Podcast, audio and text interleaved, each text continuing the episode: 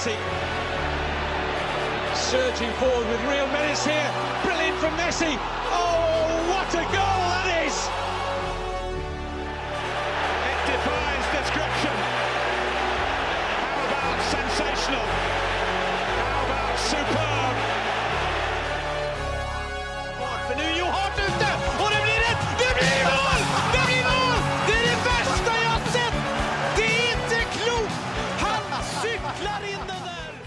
Ja da! Velkommen til episode 204 av det ordinære slaget av fotballpodkasten 90 minutter, og med meg i studio har jeg som vanlig Mats Granvold. God dag! Og Søren Dupke. Hallo, hallo. God dag, god dag. Først til deg, Mats. Nå bøtter det ned og er litt kaldere og sånt. Det er deilig, eller? Ja, det var kjempedeilig å stå nede på li i stad. Eh, vanvittig digg når jeg tenker meg om å bli dritkald og våt. Eh, Du er aldri fornøyd, du? Nei.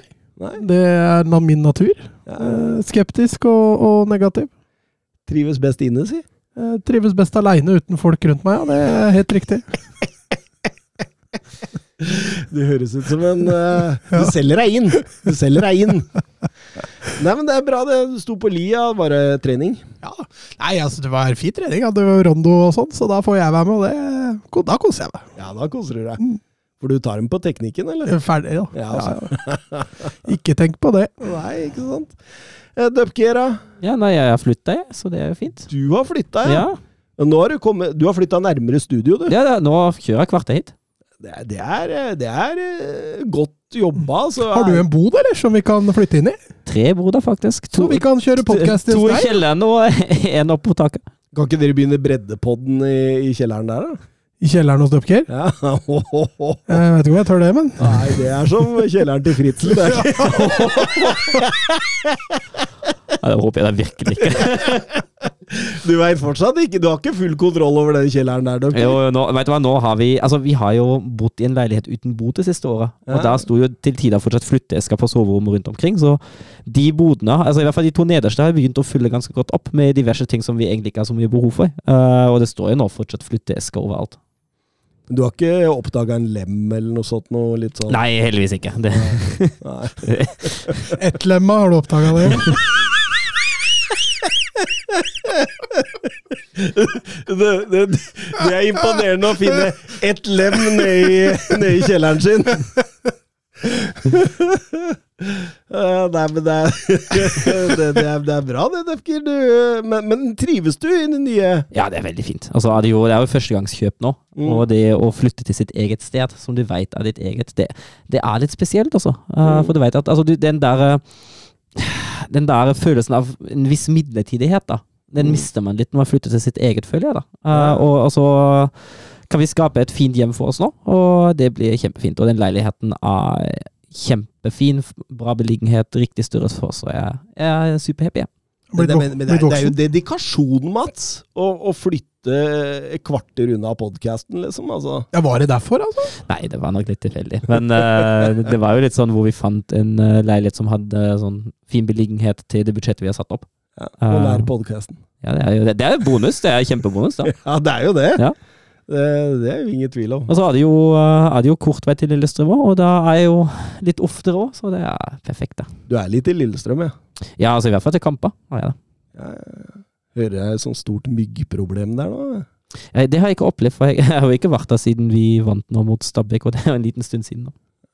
Har du hørt om dette myggproblemet? Ja, men det er jo her òg, da. Jeg kan ikke ha terrassedøra oppe her etter sola går ned. Nei, det er kanskje dumt. Ja, det Nei, blir men er det noe som heter myggår? Uår. U- Uår, ja. Det er jo ikke det, men det har vel litt med været og, og at det kommer disse regnskyllene som kommer nå. Det blir jo ikke, blir ikke bedre enn framover. Men jeg er helt enig. Jeg hørte jeg jo, altså Hurdal og Kløfta og sånn. Jeg hørte det er helt sinnssykt jævlig der oppe. Folk vurderer å selge pga. all myggen. Men Såpass, ja. Ja, ja. Kan jo bare stenge dem inn i kjelleren. Eh, I dag så hadde vi tenkt at eh, vi skulle snakke litt, eh, bare litt, norske landslaget. Vi, Vi skal gjennom en rekke med kåringer. Litt sånn årets lag i Europa osv. Og, så og så svarer vi på spørsmål og, og, og tar for så vidt de siste eh, bekrefta overgangene som uh, har vært siden sist. Det har ikke vært så mange, altså. Ikke, ikke i den størrelsen vi bryr oss om. Men, men noen har det vært, så, så vi må diskutere igjennom eh, de uh, Vi kan begynne med et spørsmål fra André Schjelderup. Kim Min-ja eh, nærmer seg Bayern München. Skal Tuchel spille Trebekk-system, er han eh, Eller er han allerede lei av Opamecano? Jeg, jeg, jeg, jeg tror det er litt, egentlig litt ingen av delene. Eh, nå er jo både Pavard og Hernandez på vei ut. Eh, begge to på sitt siste kontrakt òg. begge to sterkt rykta til PSG. Uh, med Hernandez ser det også ut til å bli litt mer konkret. Eh, Bayern ønsker seg en overgangssum på ca. 50 millioner euro. Den blir da reinvestert i Kiminya, Kim Minja, og da har man en erstatter på plass som forhåpentligvis for Bayerns del kan prestere litt mer jevnt og ikke er så skadeplaga som det Lucas Hernandez har vist seg å være. Ja, for de fleste rapportene sier at Tuchel skal kjøre en 4-2-3-1. Mm. Det tipper, altså jeg tipper jo at han ikke sier nei takk til å ha den fleksibiliteten til å kunne switche litt om han har mulighet til en trebekslinje, men uh, jeg tipper at han uh, tar utgangspunkt i en 4-2-3-1 og kanskje forhandler litt på den. Blir det ikke lite spilletid til Opamecano da, Mats?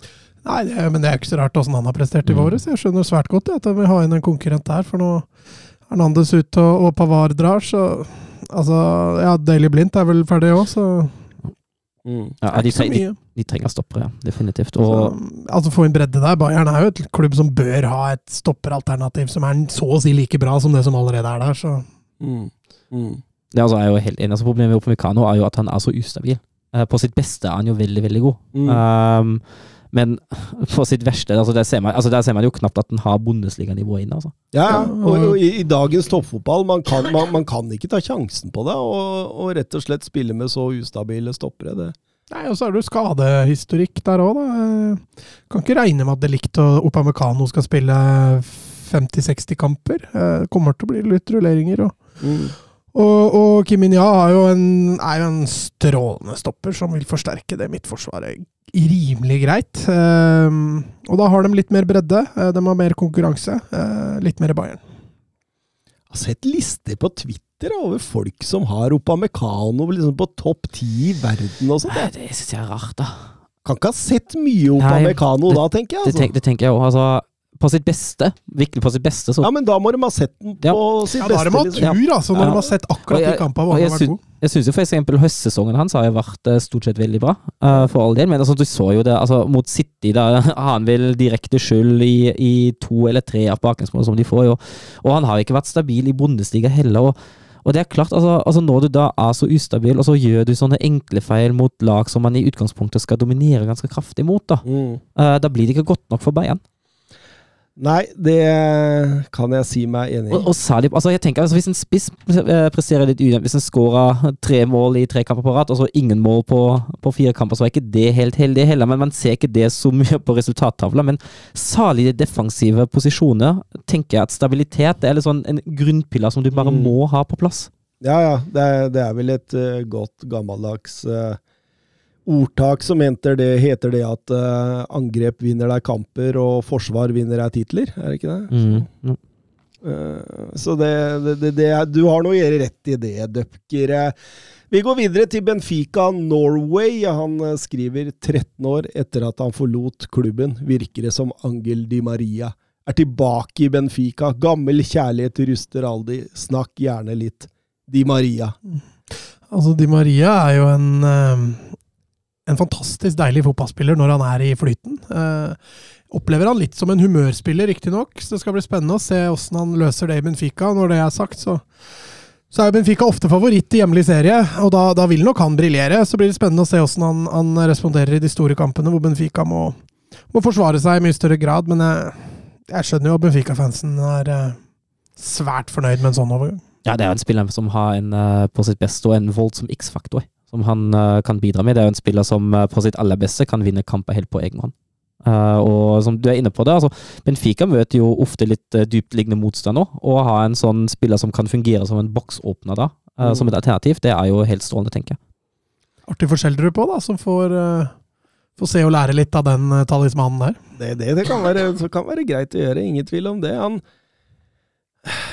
han var vel der Ja, hvor lenge var det? Var det, var det tre år eller noe sånt nå, før han gikk til Real Madrid? Uh, uh, Real Madrid han vant jo både Champions League og, og serien der, men det gikk litt nedover etter hvert, før han ble solgt til Manchester United der, og da Da gikk det jo veldig nedover. ja, Han kom jo til Manchester United, liksom. Sånn, han, han fikk drakt nummer sju, husker jeg. Skulle liksom Arven etter George Best og, og, og Erik Antona, og det var ikke måte på. Og så var det baksida av et kjøleskap og, og eh, Ja, nei, det var, eh, det var en match som overhodet ikke traff eh, i det hele tatt. Verken for klubb eller for spiller. Og det, da, da kan det se litt stygt ut. Eh, han har jo også hatt en strålende eh, karriere for Argentina. Mm. Så toppa det nå i, i vinter. Ja, ja, selvfølgelig. Og så har han jo vært OK i Juventus, hvis vi kan si det sånn. Jeg syns han har redda seg greit inn, men spilt for et lag som har langt mer fokus på å kontrollere defensivt enn å angripe, og det Det merker jo spillere som Di Maria, at eh, kreativiteten får man ikke brukt i like stor grad. Eh, jeg tror Di Maria stort sett kommer til å bli en suksesshistorie i Benfica. Så blir det spennende å se åssen det blir i de store kampene. De beste sesongene hans ja, Da tenker jeg 17-, 18- og 18-19-sesongen i PSG. Da var han strålende. Ja. Eh, da, da Men, men, men jeg er litt enig med det Mats sier der, at eh, jeg syns han oftest Ofte var det friske pustet i Juventus når han spilte der eh, denne sesongen, og viser jo på mange måter i løpet av den sesongen at han fortsatt har noe å bidra med. Så jeg tenker jo å, å komme til Benfica der det går hakket roligere, man får litt mer tid på seg. Passer bra det for han, tenker jeg. Jeg tror han kommer til å bli strålende. Um, Klas Grønlien, uh, Eivind Stølen er vel også inne på det her. Uh, Andoni Iraiola tar over uh, Bournemouth. Virker nesten planlagt, dette der. Hva kan Mats fortelle om han? Er kjempetrenertalent. Gammel høyrebekk i, i Atletic Bilbao. Eh, som virkelig har bana vei. Var jo sterkt rykta ut i, i vinter allerede. Eh, da klarte Rayo å beholde han, og, og har levert eh, to sesonger nå i Rayo med, med plassering godt opp på øvre halvdel og overraska alle. Så man har fått et trenertalent i boks her. Eh, Jeg stussa også litt over den overgangen, med tanke på hva O'Neill har fått til i Bournemouth. Og han hadde også var to år igjen av kontrakta der. Så det er jo en eh, Jeg synes det er en merkelig avgjørelse av Bournemouth, men eh, samtidig, de følte vel kanskje at nå har vi sjansen til å få tak i et ordentlig trenertalent som kanskje kan løfte klubben ytterligere. Um, For det gjør han. En offensiv spillestil, eh, spille, eh, spillestil. eh, Tufta på, på stram organisering defensivt, kontring, hurtig angrepsspill. Og, og virker som en god lagbygger. Er ikke avhengig av det enere, samtidig som han er flink til å løfte fram riktige spillertyper som passer hans system. Så litt forandring må nok Bournemouth gjøre for å matche det, men, men jeg tror ikke de behøver å gjøre all verden. Nei. Men altså, når det kommer til den oppsigelsen altså, Jeg litt sjøl òg, så så jeg litt på resultatet. Altså, hvis du ser på det expected goals og expected goals against, og det som kalkuleres ut ifra det, expected points, så var Bournemouth sist i Premier League sist forrige sesong. Ja. Så de Eh, fikk veldig godt betalt? De fikk med andre veldig godt betalt, og altså, altså så er det jo klart med 39 poeng ut av 38 kamper. Det er ikke sikra at du nødvendigvis holder plassen med det heller. Men man han kom jo inn som redningsmann og redda det jo. Ja, men altså, Scott Parker òg hadde jo, med unntak av Liverpool-kampen, hadde jo Ja. prestert ok. Ja. Eh, men krangla vel litt med eiere og var litt, eh, var litt høylytt i ganga inn, inn der, og det, det likte vi vel dårlig. og da vet ikke om man kan se på som en redningsmann, men, men han, han gjorde i hvert fall sakene sine solid. da. Den Mm. plukka jevnt og trutt med poeng og kom seg kjapt ut av nedrykksstriden etter at han tok over. Og. Så litt sånn merkelig, merkelig avgjørelse. Ja, nei, Det blir spennende å se. Daniel Ødegaard, eh, tror dere eh, Marcellino holder i ett år, eller tre-fire år regnet om i Marseille-tid? Ja, ja, ja, ja, Holder han et år, Mats? Nei. Jo. Kanskje. Altså, han leverer jo veldig jevnt med resultater, da, Marcellino. Han er jo en Ja, Steady Eddie. Ja, han er jo det. Ja. Eh, altså, du får nok ikke noen titler, Nei. men du får en solid sesong. Ja. Og hvis tredje, fjerde, andreplass er bra nok, så, så leverer han ok. For han, han kommer til å være, være trygg. Eh, han kommer til å basere spillet sitt igjen på, på ganske stram organisering defensivt. Eh, enkel, offensiv fotball. Eh, og, og overlate litt offensive til, de litt mer X-faktor-spillere. Eh, Er det lov å si at det er en trener som ikke har et veldig høyt tak, men som også har en veldig lav kjeller? mm. Altså, han leverer jo levert solid uansett hvor han er. Han hadde en litt kjip siste sesong i, i Bilbao, hvor de pila pekte litt feil vei, men Uh, han var jo solid i Valencia, uh, og, og løfta jo dem et hakk. Tok et Copa del Rey-trofé med, med Valencia, så han, han har jo levert til dels, men eh, de har ikke fått tak i noen neste Pep Guardiola, det har de ikke gjort, nei. Nå skal han ta over den tikkende bomben i, i Frankrike, Søren. Ja, jeg blir spent å se når den går av. For at, at den går av, det er ikke noe tvil om. Det er bare spørsmål om når. Ja, for det er, det er- jo en av de vanskeligste jobbene jeg tror du kan Mm. ha i Europa. Fordi forventningene er sånn kunstig høye, og kritikken kommer veldig fort. Ja, er, så er det mye emosjoner rundt den klubben der. Ja. Det er, det er ekstremt, eh, ekstremt lidenskapelige supportere, som er jo veldig fint når man har det i ryggen, eh, men som er en stor belastning når man får de mot seg, og man får de mot seg ganske så kraftig. Og, og forholdsvis fort når det går dårlig. Vet jeg ikke. Altså, noen ser nok på det som en kjempeutfordring å trene Marseille. Eh, men jeg veit ikke helt om alle helt veit hva de går til. Nei. Man hører sikkert at folk sier at det, det er helt nydelig når det går bra, det er helt forferdelig når det går dårlig. Eh, og du tar det sikkert til deg, men jeg tror ikke, jeg tror ikke det man veit helt hva man går til når man tar den jobben der. Jeg kan jo se for meg at Marseille generelt er en sånn ganske attraktiv by å leve i, da. Mm. For en fotballtrener. Det er jo en fin beliggenhet, eh, fint og varmt og Ja, fram, fram til supportere fyrer ned treningsanlegget. Det blir enda med varmere, da. Hemmelig adresse, i hvert fall. ja, det må du i hvert fall ha der. Eh, Bjørn Erik Skorge, hva tenker vi om at Crystal Palace fortsetter å vurdere Roy Hodgson som Ja, nei, du skal jo ikke forandre på en vinnende oppskrift, vet du. Nei, men altså, der, der, snakker vi, altså, der snakker vi også en fyr som har et fortsatt lavt tak, tenker jeg, da. Um, og Jo, men han har jo, det har jo et kjempematch. Palace og Hodgson. Hodgson. Ja, men altså, altså Men, men det, det er utrolig artig, det som skjer hver sesong han har. Liksom, hvis han har en hel sesong med Crystal Palace, så er de ganske bra. Fram til de får de der 35-36-37 poengene som gjør at de holder seg, og så tar de nesten ikke et poeng. Så, så det du sier egentlig er at han bør lede laget fram til 36-37 poeng, og så har man, kan man sparke den, og så fjerner man tid til å komme litt høyere opp på tabellen med en annen manager. Ja, jeg- altså, jeg, jeg ser jo de andre de er linka til, da. Og, og det er jo navn som Graham Potter, Adi Hytter og, og Paulo Fonseca. Ja, men Det er litt mer spennende, da. det, er, det er jo det. Og litt mer framtid. Ja. Hodgson kan daue når som helst. ja, det er det ingen som helst tvil om. Hvor gammel er han? 80 78, eller så. 78. Ja, han er nærmer seg 80. Ja, han, er, han ser ikke Han ser ikke ung og sprek ut lenger, han gjør ikke det. Jeg husker den der Roy Reiser Ja, ja, som de ja, Han har ødelagt hele figuren, vet du. Eh, Tønna. Uh, Philip Ringstad på Twitter. Uh, får United svi for den overbetalinga det har gjort i flere år nå? Det virker jo som Ten Hag er mer bevisst på pris enn tidligere managere. Ja, det er vel litt flere faktorer inne der, tror jeg. Det er vel et eierskifte der som bremser greit opp eh, spillekjøp og store, store lønninger der. Jeg tipper nok at eh, når et eventuelt kjøp er unnagjort, så skal det nok frigjøres litt midler der til både spillekjøp og lønninger og det som er. Så det er vel mulig at de har fått et tak nå i forhold til hva de kan betale, og Ten Hag vil jo selvfølgelig ha på plass spillere så tidlig som mulig. Og da har han sikkert fått eh, visse budsjettrammer å forholde seg til. Og, og når den overtagelsen er klar, så tror jeg nok Hvis det er Qatar, eh, penge, pengefondet i Qatar som tar over der, så blir det vel rart en Mbappe og pluss pluss inn der, så Ja, for Ole Haaland skriver jo ting tyder på at eh, QIB og sjeik Yasim overtar Manchester United om ikke Inios kommer med et vesentlig bedre bud. Skal skal de klare det, må de ha inn flere partnere, og slik ta tid. Da kan racet være over, da, eller? Det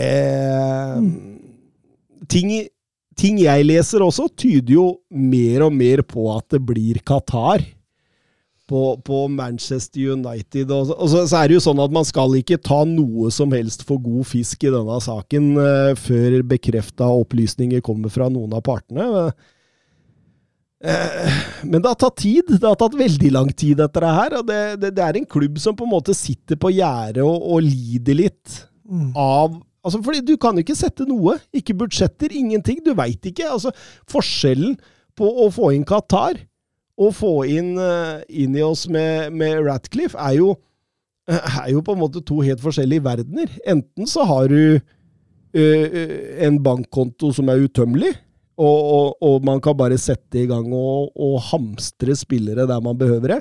Eller så vil du ha en eier som sannsynligvis vil komme inn eh, på en mer realistisk eh, og mer budsjettert måte, da, og tenke mer business. Eh, så, så, det er veldig sånn vanskelig å vite hva hva som skjer, og det, det, det tror jeg også United lider av i dag. for det, altså, det er som du sa forrige gang, da, at de har jo en, peng, en, del penger som står i klubben. Men så går, også, så, så går det også mange rapporter på dette med at eh, her må de selge før de henter noe. Så det er, det er jo åpenbart det at eh, Casimiro, Martinez, de, de handlene i fjor sommer, at det kosta klubben. Mm. Det har det nok gjort òg. Jeg tror nok, jeg tror nok uh, man må smøre seg med tålmodighet som United-supporter i det vinduet her. Uh, og så veit jeg jo hva jeg håper. At Qatar holder seg langt unna. Man begynner jo å bli drittlei. Mm. At fotballen ødelegges og vaskes ut av, av disse Jeg skal ikke, skal ikke, si for mye, men jeg, altså jeg skal ikke si jeg mister interessen, men, men jeg blir liksom oppgitt og, og ikke lei meg. men blir mer og mer likegyldig. Da. Og det, jeg syns det er en veldig kjip følelse å ha, eh, på at disse involverer seg så mye mer som de gjør nå. Og glei den diskusjonen her helt ut feil vei, men eh. Jo, men vi er jo inne i sportswashing, eh, på en måte, miljøet, og altså, det, det er kun én ting jeg ser på som positiv med sportswashing, og det er at den tilfører såpass mye penger inn i gamet at Superleague begynner å se mer og mer urealistisk ut. Det blir i hvert fall ikke en sånn liga, kan det virke som nå, for nå. De, de store aktørene sitter med så mye penger uansett at ja, det, det, altså jeg føler jo altså Det var jo på en måte avskilt lenge før allerede. Det var jo bare Ja, ikke ifølge Florentino Perez. Ja, men altså, han eh, Han sier mye, altså. Men eh, jeg, føler, jeg føler ikke at det nødvendigvis Altså Premier League-klubbene svømmer jo strengt tatt i penger allerede fra før. Uh, ja, også så lenge tyske ikke vil inn med da, så er de ikke i kjangs. Det er akkurat det. Så jeg føler, jeg føler, ikke nødvendigvis at sportsforskning har voldsomt mye å si. da. Jeg syns egentlig bare det er som Mats, det, det er trist og kjipt og uh, ja. Men, men, men hva, hva, tenker du da? Manchester United-supportere som nå Altså, du, du, kan jo si at de har opplevd en tørkeperiode mm. etter sir Alex Ferguson. Eh, de har sett et Old Trafford som eh, omtrent råtner på rot. Et treningsanlegg som ikke har blitt kosta på, på, på år og dag. En infrastruktur rundt Old Trafford som, som er høyst middelmådig. Og en eier som gir faen. Ja.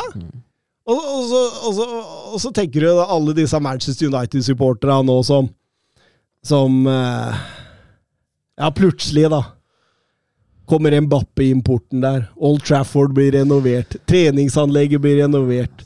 Eh, infrastrukturen i, i, rundt Old Trafford der eh, blir mye bedre. Eh, lokalområdene i, eh, rundt Old Trafford Vi, Altså, hele, hele, hele delen, da. Eh, I den røde delen i Manchester vil få seg enormt løft.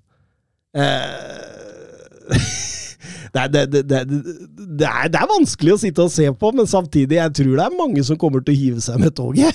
Ja, men det så vi i Newcastle òg. Ja.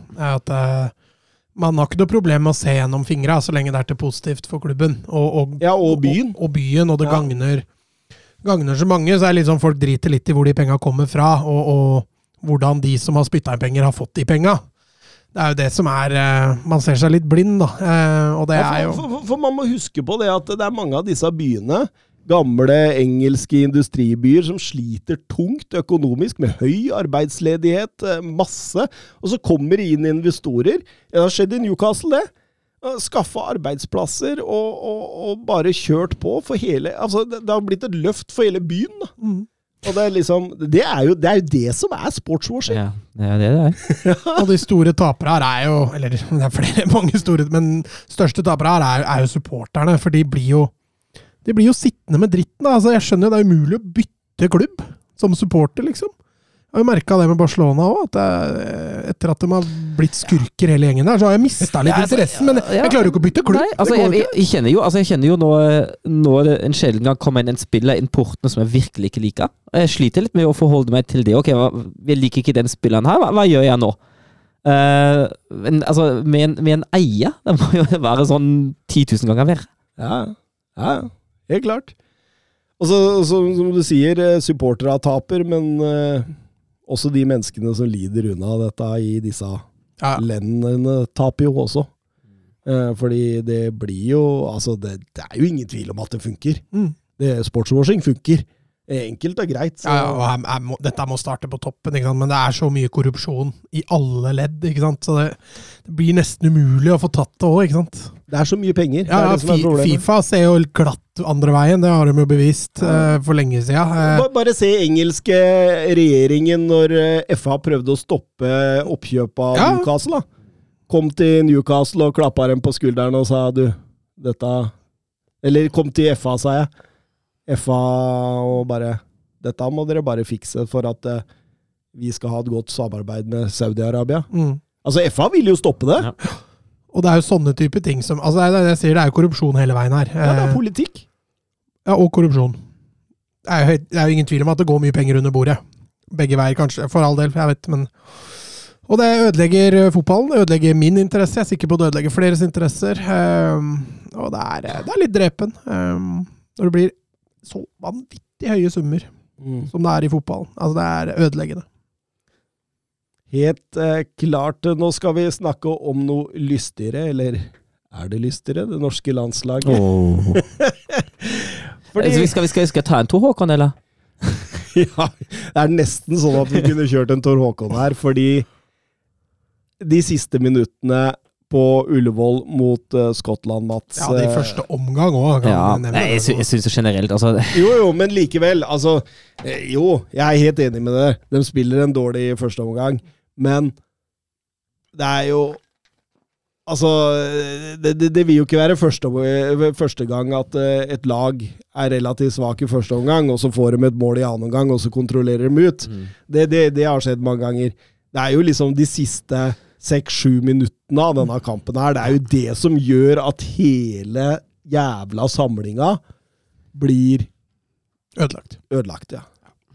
Ja, nei, det er dårlige enkeltmannsprestasjoner, det er dårlig coaching, det er eh, dårlig lag, eh, det er dårlige vurderinger. Eh, det er sju minutter som, hvor mye svikter, Ja. rett og slett. Eh, Østegård uttalte jo før kampen at han hadde krampe fra 60. minutt. Eh, det er klart, Østegård bør jo ikke være så sliten, vi har ikke spilt så mye kamper i år, men, men det er det som du får litt da når du, når du spiller så lite kamper som du gjør. Mhm. Du får den rustheten som det vi så av Østegård i den matchen der. Og Stoppeplassen er en problemplass, selv om uh, Dupker på sida her er litt uenig i det. Så, så Nei, Vi har gjort den til en problemplass. Ja, men i den kampen her, Ja, så, hadde, kampen det så, hadde, Det- så det er hadde vi jo ikke noe bedre. Ja, altså vi har alltid noe bedre enn Stefan Strandberg, men vi har ikke tatt ut noe bedre. Og så vi, vi snakket, jeg snakket litt om det før, før vi gikk på. Jeg hadde jo Hvis jeg var Ståle Solbakk, mitt første valg hadde vært Hanke Olsen, mitt andre valg hadde vært Eier. Når begge to er utilgjengelige, hadde jeg dyttet ned Sander Berge på den stoppeplassen der. Uh, og da rakner det rett og slett, og det er jo Det er veldig synd. Eh, nå er jeg redd nok en år Ja, ja, nå har vi Nations League, da, som vi bør ha en ok mulighet til, men uh, Ja, var, var det sånn at vi kunne møte Wales, Island og Estland? Ja, vi er jo på nivå to i Nations League, så vi, ja, det er noen av laga vi kan møte. Ja, Det bør gå greit. Ja, men jeg- høyst så får vi jo ikke alle fire. Det vil jo være flere lag der. Uh, og den gruppa bør jo vinnes. Gjør vi det, så er vi, er vi Eller vi kan i hvert fall ikke havne bak Nei, bak noen som ikke er kvalifisert til EM, i hvert fall. Og gjør vi det, så er det jo muligheter, men uh, den kvaliken her er jeg redd nesten allerede er forspilt, altså. Altså, det er jo tredjeplass i ved playoff òg, hvis jeg ikke tar feil. Men eh, Ja, gjør det jeg tror de første to går rett inn. Hvis jeg ikke Ja, det er jo mange lag, da. Det er jo, det er jo snart Ja. 100 lag. hvis, jeg, hvis jeg ikke tar feil nå. Men jeg, jeg mener at de første to går rett inn, og tredje gir en kvalik. Men jeg møter meg altså Bare den gruppa da med Østerrike, Sverige og Belgia er jo ganske tøff. Hvis man møter en av de tre, så er jo samme resultat.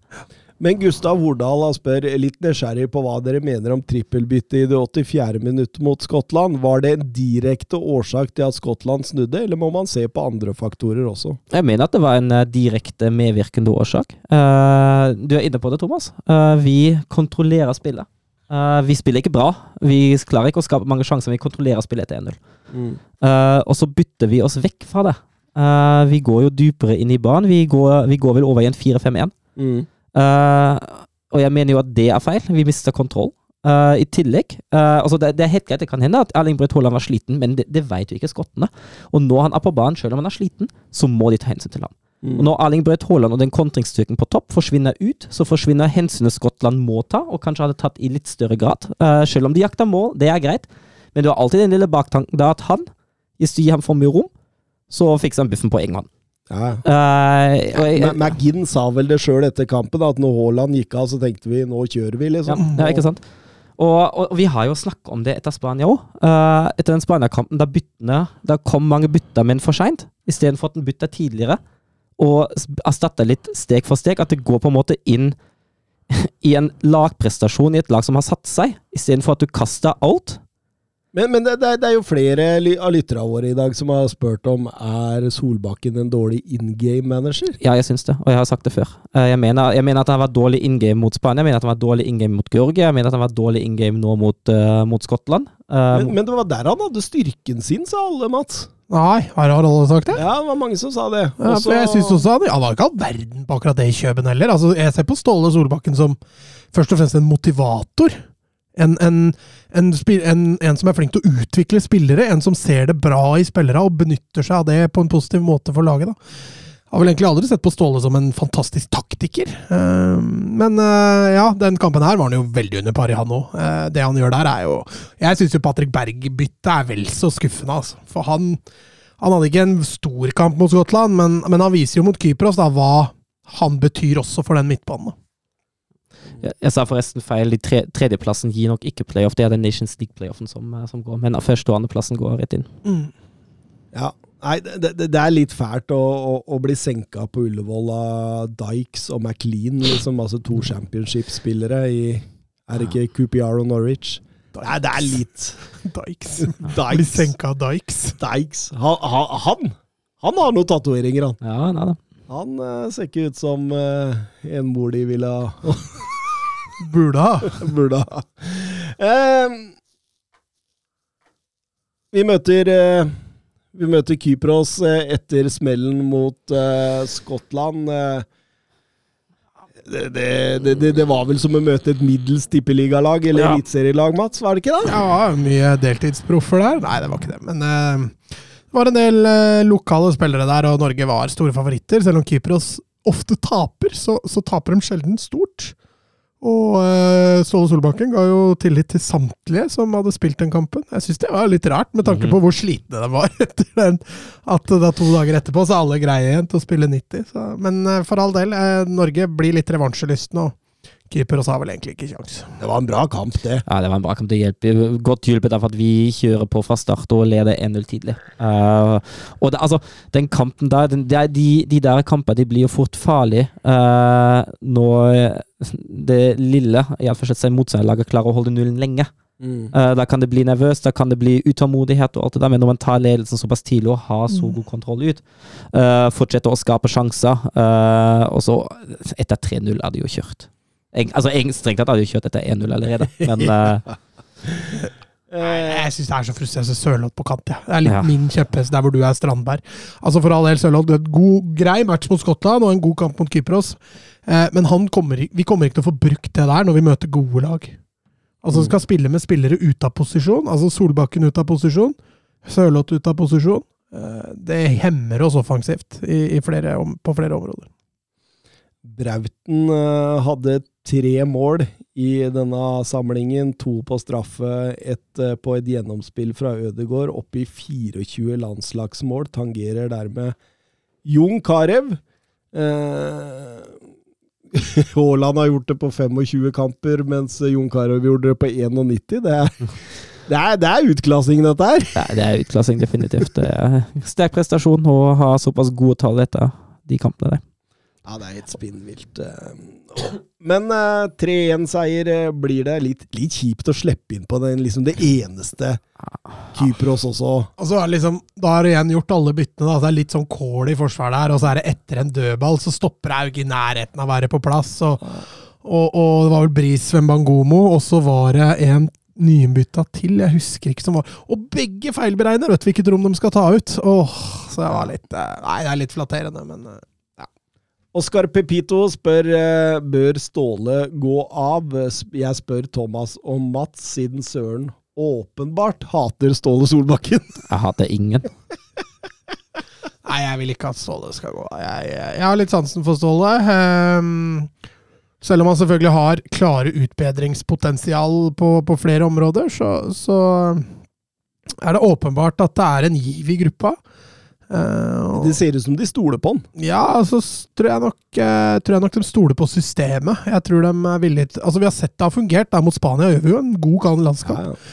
Uh, sånn at Jeg skal være forsiktig med å si at man skal gi det tid, for det, det har man ikke som landslag. Men jeg føler vi har vært inne på noe riktig, og så har vi hatt noe bananskall.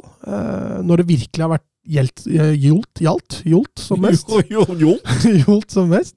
Eh, som har egentlig vært Norges bane hele tida. Men jeg er litt enig med, med Dupkar nå. Altså, vi, vi skal ikke frede Ståle Solbakken. Eh, ryker dette EM-et og neste VM nå, så mener jeg da Da, har- da har vi kasta bort en gyllen generasjon. Altså. Mm. Mm. Du kalte den for eh, Norges svar på Roberto Martinez eh, i forrige episode, Søren. Ja, og Jo, det er det, ja. ja. Ja, du gjorde det! Ja, men det, det, jeg føler jo det passer, da. Fordi han, altså, jeg føler altså, Roberto Martinez er jo også en, en landslagstrener som konstant har underprestert med den troppen han har. Jeg syns jo Ståle Solbakken også gjør det. Eh, Jeg sier Han skal ikke ut nå. Jeg syns han skal få den kvaliken her. Han har sagt han skal ta dette laget til EM. Greit. Gi ham den sjansen. Gi ham kvaliken ut. Hvis vi står uten EM sommeren 2024, da er det tid for et skifte. Jo, men det kommer jo en uh, Nations League òg. Ja, hvis, han- og hvis han klarer det altså jeg, jeg bryr meg ikke hvordan han klarer det. Klarer han seg gjennom Nations League, greit, det skal jeg akseptere. Han har bare sagt han skal ta laget til EM. Eh, det er det målet. Det er målsetninga som er satt for forbundet. Det er målsetninga som han sjøl har sagt. Satt. Klarer vi det, fine. Uh, klarer vi ikke det, da ser jeg ikke noe grunn til å fortsette med ham i neste kvalik. Ja, for Nations League begynner vel allerede i november? Ja, men altså, jeg føler ikke det. Og så går det vel utover? Ja, altså, altså, men, da, ja, men altså, jeg føler jo ikke nødvendigvis at man At det er så farlig med et trenerbytte midt i Nations League, da. Nei, hvis det går til helsike, ja. Ja. ja. det er jeg enig i. Det, det, er, altså, det er verre å bytte en trener bytte om det er et VM eller EM. Ja, ja, men jeg bare sier at Nations League er vel ikke ferdig før i mars, og da er det jo bare tre måneder igjen til EM. Ja, men altså, men, altså enten er vi der, og det er greit. Da, får, da skal han få fortsette. Ellers så er vi ikke der, og da har vi, har vi sommeren til å finne oss en ny trener. Tor Christian Stensrud, bør Strandberg i hele tatt være med i troppen? Nei. Har vel ekstremt mange som er bedre enn han på den plassen, inkludert en Sander Moen Foss, Foss i, i, i Sandefjord. Sandefjord. Mm. Ja, ja, nei, Sander Moen Foss er bra. Det jeg er blitt overraska over han. Hvor, eh, han var jo skada hele fjor, så han har jo brygget seg opp igjen i år. Men eh, Sander Moen Foss jeg, jeg tror ikke jeg ville tatt han med en gang. Men eh, det er nok et par andre før han, ja. Jeg, jeg, gleder meg til Jesper Daland kommer inn, jeg. Ja, Daland er jo et potensial. Har hatt en veldig god sesong i Serkel Brygge, eh, selv om han der spiller et Trebekk-system. Eh, Vil jo tro at det er en bedre matcharena enn en Intility på eh, kun- kunstgress eh, og i bunnen av Eliteserien. Ja, altså, altså han- det, er- det er akkurat det. Altså, det er ikke sånn at vi snakker en stopper her som presterer ekstremt bra i Eliteserien, og så får han hetta hver gang er han spiller på noe Igo. Ogbu baki Nei, der, nei, nei. nei. Altså, det, det, det er jo altså på, på I Eliteserien snakker vi en høyst middelmådig stopper. Mm. Og at, at en høyst middelmådig stopper i Eliteserien er klippekort, for det er det han har. Klippekort på landslaget. Eller det. Jeg snakka med vår eh, gode venn eh, Trym Hogner fra Harde mottak eh, for et par dager sia. Han, han sa at jeg, skal gi deg minst ti navn i Eliteserien som er bedre stoppere enn Stefan Strandberg. sa han. Ja, de, og de, de hvilke, navn, var- hvilke navn var det han ga? Han nevnte ikke noe, for jeg spurte ikke. Nei, men ok. han sa okay. at, eh, Men så sa han eh, etter hvert Alle er vel kanskje ikke norske, men sa han. okay. ok. Ja, Ja, for Sander Moen Foss var der. han var åpenbart der. Ja. Em, Har vi noe mer å tilføye, eller skal vi gå videre? Ja, men For å forsvare Stefan Strandberg litt, da. Uh, for å sitere det, det var nobelt. Ja, men altså, jeg er ikke helt Altså, Han spiller jo for Vålerenga, da. Det i seg sjøl er grunn nok til å legge opp, men han, han, han, han har jo prest... Altså, historisk sett, da. Hvis du husker i fjor, han leverte noen vanvittig stødige landskamper. Ja. Og var vår leder bak der, Ja. og gikk virkelig foran i krigen. Uh, Etter overgangen til Vålerenga er jeg helt enig. Han har falt i prestasjon, både på klubb og på landslag. Eh, Men jeg veit jo, Ståle Solbakken sa det jo sjøl etter kampen, at han, han ser på som leder i gruppa, og en viktig brikke for hans fotball på det landslaget. Du ser han er med på Tåsen kafébar og Ja, spiser ja, han er jo kebab med, med, gutta ja, òg. ja, han, er jo i, han er jo i sirkelen med Berge og Ødegaard og, Ja. og Haaland der, så han, han tar jo sikkert litt vare på dem òg, da. God kebab, åpenbart. Ja, altså- har, du- har du smakt den kebaben, eller? Jeg er faktisk ikke. Men altså, skal vi skal, Har du, Mats? På Tåsen. Ja. Jeg prøver å holde meg unna kebab på Tåsen, faktisk. Den sausen har hørt at den er ikke Nå har han innehaveren fått så mye gratis reklame i dag at nå kan vi bare trykke ned med at den sausen, den er hjemmelaga. Uh, nei, Søren, hva skulle du si? Nei, altså, ja, det er jo verdifullt å ha ledere i toppen, men hvor mye frafall i sportsnivå kan man akseptere for det, da? Mm. Det er litt sånn det som er poenget mitt, og jeg mener at Ja, men Det er litt det som er også poenget til Ståle Solbakken, at han heller tar ut en litt dårligere stopper. Vi snakker ikke bare litt. Jeg klarer ikke å se noen stoppere som er markant bedre enn Stefan Strandberg. Ja, hvis du ser på Altså, ta ut til troppen, greit, men jeg mener jo at uh, både Aja og Hanke Olsen uh, Jo, jo, men nå er er jo de, i denne troppen så er jo de indisponible. Jo, jo, Ayer er ikke i matchform, og, og Hanke Olsen var sjuk. greit. Men det, var, det, altså det, det gjelder jo også forrige tropp, da, når Hanke Olsen ble benka mot både Spania og Georgia. Ja, ja, for så vidt greit. Jeg, jeg kjøper det nå. Altså, han, han, han har jo underprestert. Jeg, alle ser jo det. Men jeg kan forstå argumentene med at han vil ha han inn fordi han er Ståles mann. Samtidig som han har en historikk på landslaget hvor han har vært en leder og vært stabil og god. Ja, men altså, den, den historikk altså, nå, Han er jo en spiller som begynner å dra ordentlig på åra. Ja. Og at den Altså, at den der eh, Altså, altså historikken er grei, men fotball er ferskvare. Og man kan ikke støtte seg på gode prestasjoner fra i fjor når man skal ta ut et landslag i år, tenker jeg. Nei, men landslaget spiller jo mye sjeldnere enn klubben. da. Så, så når en spiller på klubblag har dårlig form, så er det lettere å switche om der. Mens da på landslaget så går det mye lengre tid imellom, da. Ja, men han har jo dårlig form både på klubb og landslaget. Ja, men fra forrige landslagssamling, da, så har jo ikke Stefans fra forrige landslagssamling har jo ikke Strandberg spilt seg ut av troppen med tanke på spillere han hadde tilgjengelig nå. At han får spille nå, jeg er egentlig enig med deg. Jeg ikke, likte ikke det heller.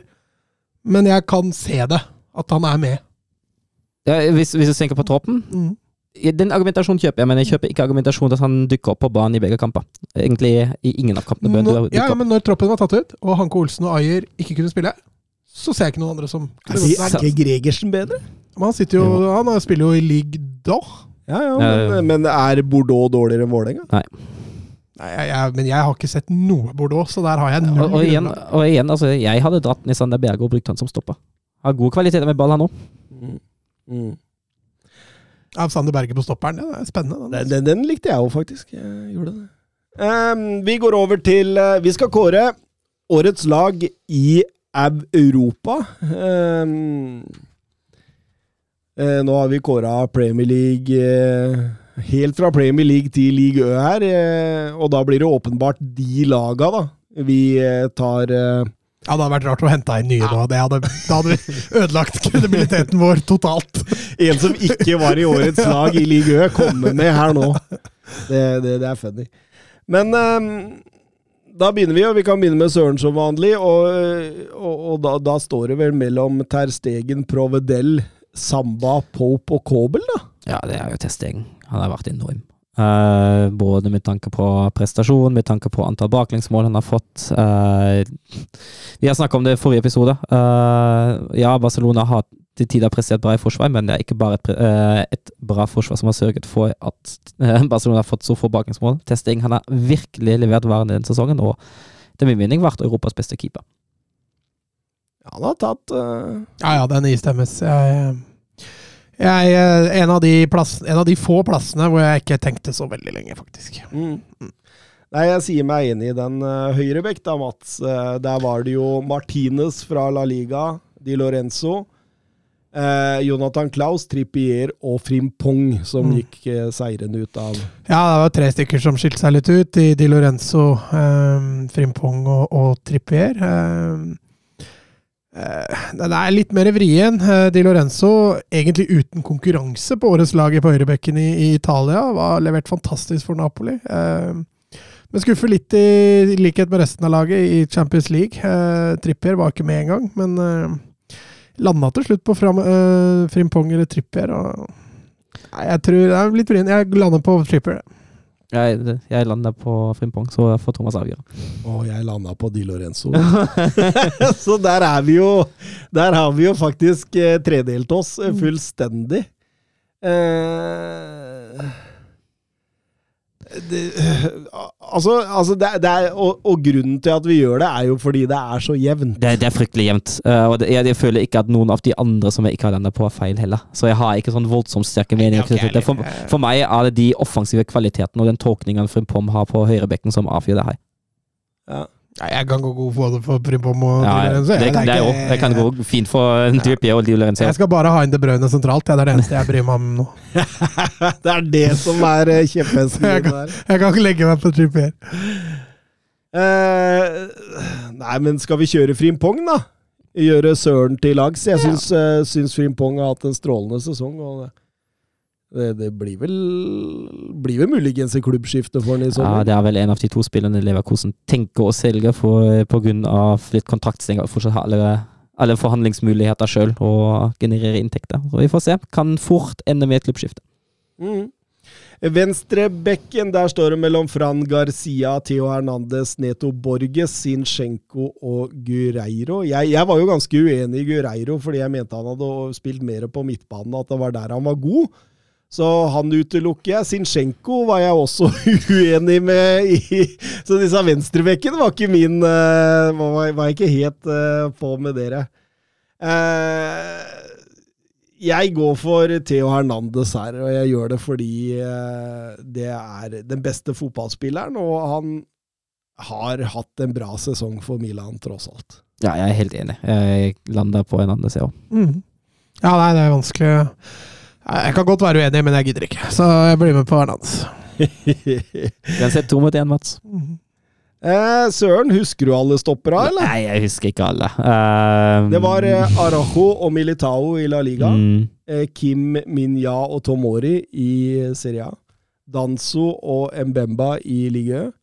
Eh, Saliba og Båtmann i Premier League. Og Dueki og De Ligt i åh, det, det, er, det er fine navn, altså. Åh, det, er, det er Nei, der har jeg har nesten lyst til å foreslå John Stones, jeg nå. altså. um, Etter den Champions League-finalen, han var jo fantastisk. ja. Uh, Hva, da hadde vi måttet ha den på midtbanen. Jo, jo. Eh, jeg- har lyst til å, å snevne det inn til, til fire, jeg. Uh, til Kim, til, uh, til Araujo, til uh, Saliba og til De Licht. Jeg syns det er de fire som kanskje har framstått aller, aller, aller mest. Um, og Altså er det jo litt sånn pluss og minus med la Kim har jo vært, hatt en ekstremt stabil sesong, uh, så jeg syns nesten det Jeg syns nesten han må med. Og så er det jo den der Araujo, han er jo en sånn spesiell tilfelle, for han har vært ekstremt god de kampene han har spilt. Men han har bare spilt 22 kamper.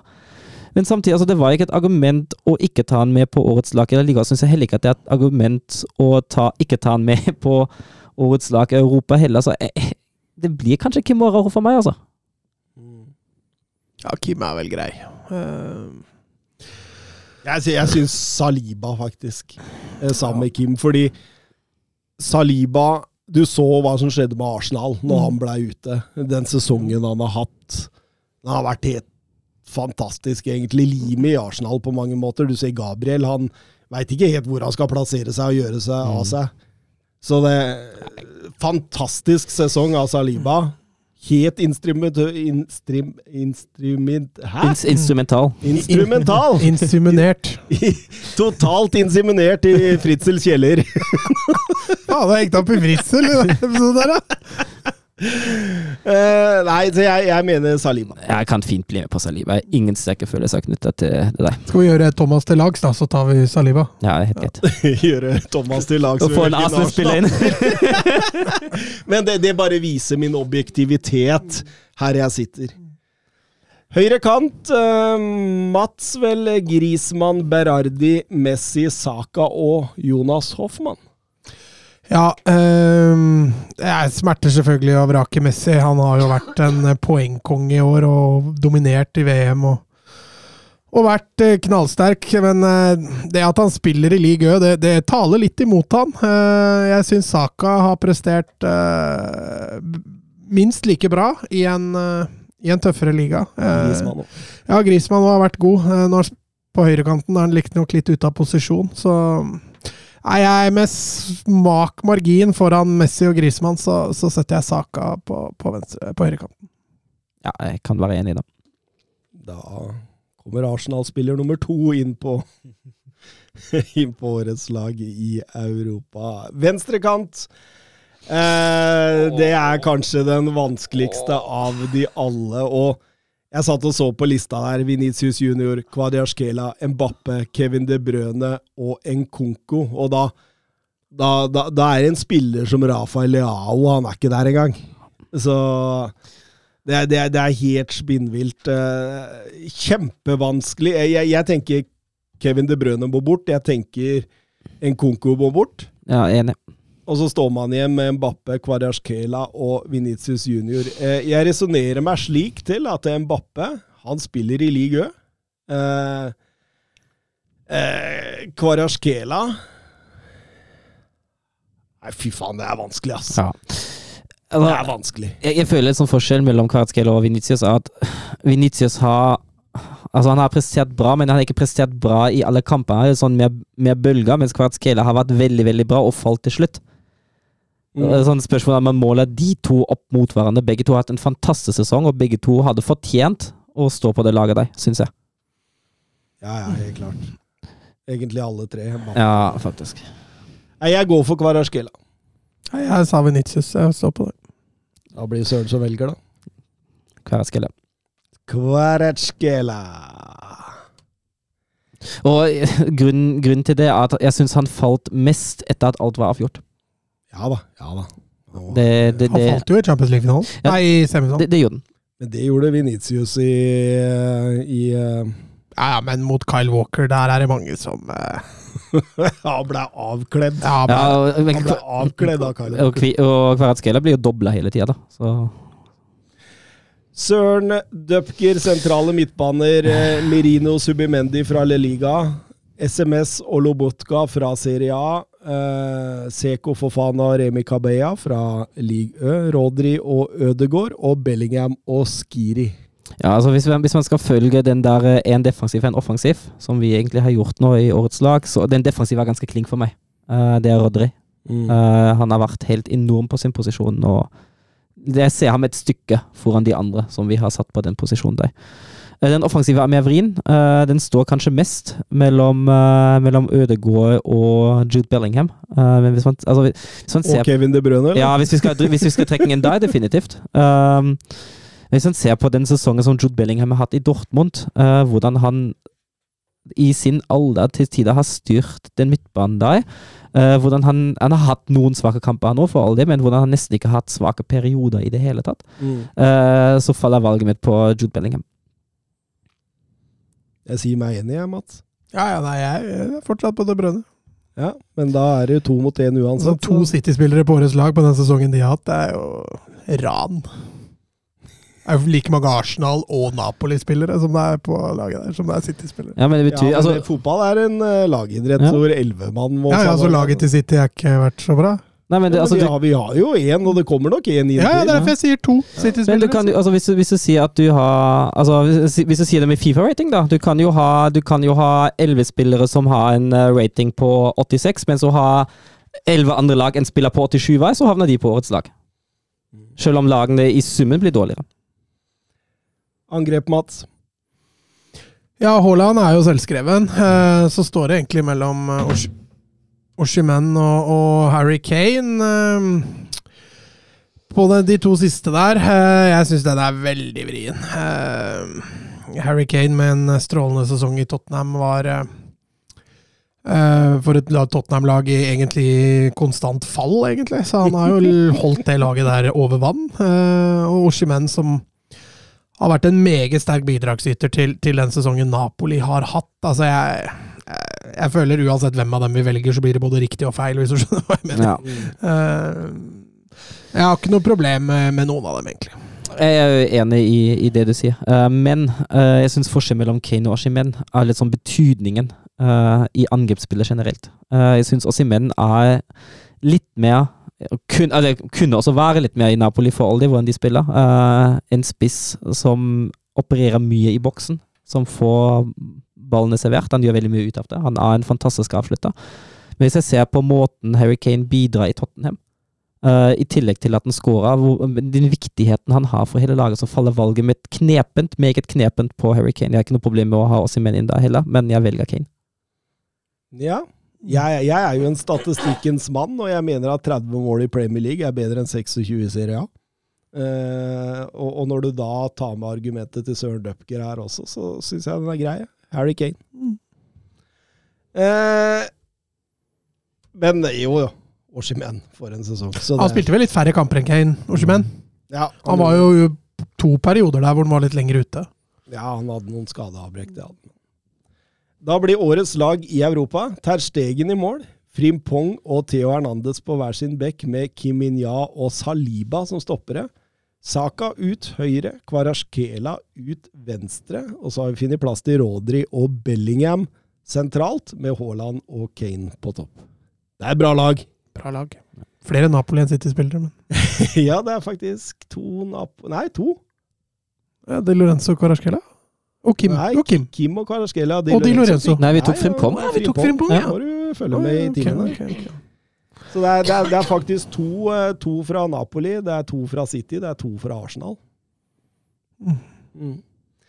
Eh, En fra Leverkosen, den. Ja, den, Den, den er, ja, men han, altså, grei, jeg synes også greia med Frimpong da, altså Leverkusen har hatt en fryktelig svak fase i starten, eller egentlig før VM, da. mm. Men jeg syns heller ikke han har vært så svak i den svake fasen som Leverkusen hadde. Eh, og så har han vært utrolig sterk i den sterke perioden. Mm. Så jeg syns egentlig det er, altså det er overraskende, men jeg syns, han gjør så fortjent den plassen der. Høyrebekken er sånn problemstilling òg, da. Det er Ja. ikke altfor mange gode høyrebekker der ute denne sesongen. Mange bedre venstrebekker, faktisk. Ja, altså Arnold har hatt en dårlig sesong, Reece James har stort sett vært skada. Da, da har det vært et stykke ned til det Ja. neste, så Ja, og hvis vi, altså hvis vi, hvis vi, liker, hvis vi liker statistikk, da, eh, så er jo altså Frimpong med åtte mål og sju assist på 34 kamper, det er jo voldsomt sterke tall for en høyrebekk. Ja. Selv om han tolker den rollen veldig offensivt, men eh, ja. Helt klart. Men uh, årets spiller, da? Vår 90 minutters Ballon de ord. Hvem uh, 90 de, ord? de 90 de ord. 90 d'Or. Hvem er det som får den? Det må jo være en av disse elleve. Det må være en av de elleve. Jeg er enig. Uh, og for meg, altså de åpenbare kandidatene er uh, selvfølgelig Erling Breit Haaland, uh, Rodri, uh, Mark André Testegen. Det er egentlig de tre som jeg syns eh, Kanskje Kim òg, men eh, det står egentlig mellom de tre for meg, da. Jeg syns det er de tre som, hvis du ser på hele sesongen under ett, har de prestert sterkest. Det er deilig om vi hadde tatt årets spiller en helt annen. Rafael Leao. Ja, det hadde vært funny. ja, det hadde vært funny. Nei, altså av de elleve her, så, så er jo Haaland eh, marginalt den beste, spør du meg. Eh, kanskje ikke den beste fotballspilleren, men, men prestert eh, på et nivå som eh, de andre ikke har matcha. Eh, men enig med Søren. Jeg, sy- jeg syns også vi kan nevne Harry Kane. Der Jeg, Ja, faktisk. Enig. Glemte ham. eh, han, han fortjener å bli nevnt. Han vinner jo ikke titler, stakkars, så han må nevnes i kåringer. han ble nummer to i 90 minutters Ballon d'Or. Det, er- det er Erling Braut Haaland. Han må Ja, få det han må, det må, få. det må. Det må Ja, dem. Enig. han må få. Enig.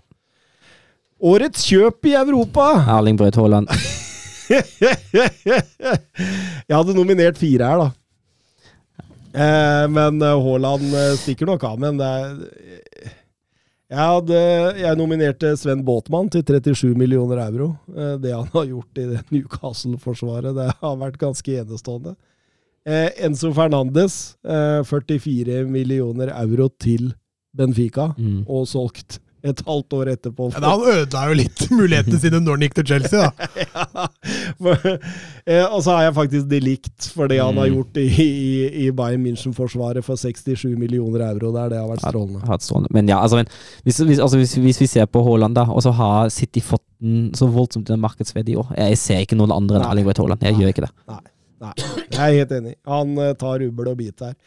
Eh, en ting han ikke kan ta, det er årets budsjettkjøp i Europa. Der, der, der kan det bli litt vanskelig, for vi satt ved grensa på 10 millioner euro. Yes. Og det er jo en del free transfers der som virkelig melder seg på, da, Søren. Det er det. Uh, kan jo nevne de som ikke er free transfers, da. Uh, som for meg var høyest oppe på den lista. Det er jo Vicario, uh, som har spilt en enorm sesong. Eh, Klaus, som vi til og med hadde i årets lag i Ligue Ø. Zygankov. Uh, Riktignok var vel vinterkjøp, men uh, prestert veldig bra i uh, Girona. Uh, og Dodgy. Med, og Bernt Lene for all del. Um, men av de, av de uten, uten overgangssum det, altså det er en voldsom liste her. Uh, Rudiga, Dybala, Christensen, Kolomoani, Lacassette, uh, Kamara og Ginte. Uh, det er ja, jeg har én klar favoritt. Ja, ja, ja for, for og, og, og, min, min, er, min, er, faktisk Kolomoani. Ja, og det var min òg. Ja. Fordi den markedsverdien, det han har gjort i Frankfurt, mm. henta gratis fra Nant der og vi var jo ganske tidlig på ballen i, i, fjor sommer og sa at dette her kommer til å bli kanon! Kanonovergang! Mm. Eh, jeg, jeg, kan ikke se noen Nei. andre. Nei, enig. Årets budsjettkjøp da altså Randal Kolo Moani, som sannsynligvis også kommer til å bytte klubb i sommer. Ja. Årets trener? Årets trener, ja. Den har jeg ikke forberedt uh, noe på, men uh, det må jo bli Pep. Det må bli Pep etter å ha, hentet, etter å ha tatt et triple. Blir det rart å ta noen andre? Ja, Jeg tenkte jo Scaloni da, i Argentina. Vinne VM. Er vel kanskje en reell utfordrer. Jeg nevner alltid Carlo Angelotti. ikke en tittel, men han skal faen meg med! Bare, bare vent om uh, Jonathan Ta blir trener noen gang. Altså. det var alternativ tre, nemlig. Jonathan Ta. Årets spiller. Årets Nei, altså Pep er vanskelig å komme ut av han, men, men Michael Arteta bør jo, bør også nevnes, mm. uh, syns jeg. Uh, og ikke minst Balletti. Uh, jeg bør være Frank Heise. Ja. ja. Frank Heise er med der. Mm. Men, og, og Ors uh, Fischer. Mm, ja, faktisk. Ja, og Chavi Hernandez. Mm. Mm. Ja. ja, ja. Nei, men det er, det er jo Pep Guardiola. Ja, det, det, det må bli det. An. Nei. Går ikke an å si noe Årets overraskelser. Eh, da går vi på lag som har overrasket oss, og den første jeg har på lista mi her, er eh, Arsenal. Eh, at de skulle bli så gode å være utfordreren til Manchester City denne sesongen. Når Liverpool skuffa? Ja, det, det, så vi ikke helt komme, eller? Nei. Vi hadde dem vel på, jeg ble ikke enige om vi hadde dem på fjerde eller femte, men Ja, men et sted der. I sjiktet liksom bak, ja. uh, bak den absolutte toppen. Ja. Og, og, ikke i nærheten av å kjempe om, uh, om eh, Premier League-gullet. Nei, vi hadde dem Vi, hadde, vi, vi innrømmet dem riktignok sjanser til topp fire, det gjorde vi. Uh, men at de skulle lede serien såpass lenge og skulle bli en reell utfordrer, det ja, Vi var tidlig på 80-20 der, da. ja, vi var det faktisk. så så reelle utfordrere var de ikke. Men eh, Edu Arteta har nesten gjort en prikkfri jobb i sommervinduet der. Uh, glemte kanskje litt betydningen av bredde i troppen. Eh, var kanskje det som kosta dem eh, ligagullet til slutt også? Ja. ja, og det har jeg vært inne på før. Én skade på Saliba, så, så, så rakna det litt. Og det man så jo også betydningen av Party og, og Sjaka når han var ute, og, og når man også mista Gabriel Jesus. Selv om de klarte den utfordringen greit, så, så blei det for mye med, med Saliba, dessverre. Mm, mm. Eh, jeg, jeg, tenker jo liksom det at jeg, hvis du ser på Arsenal i cupene, da.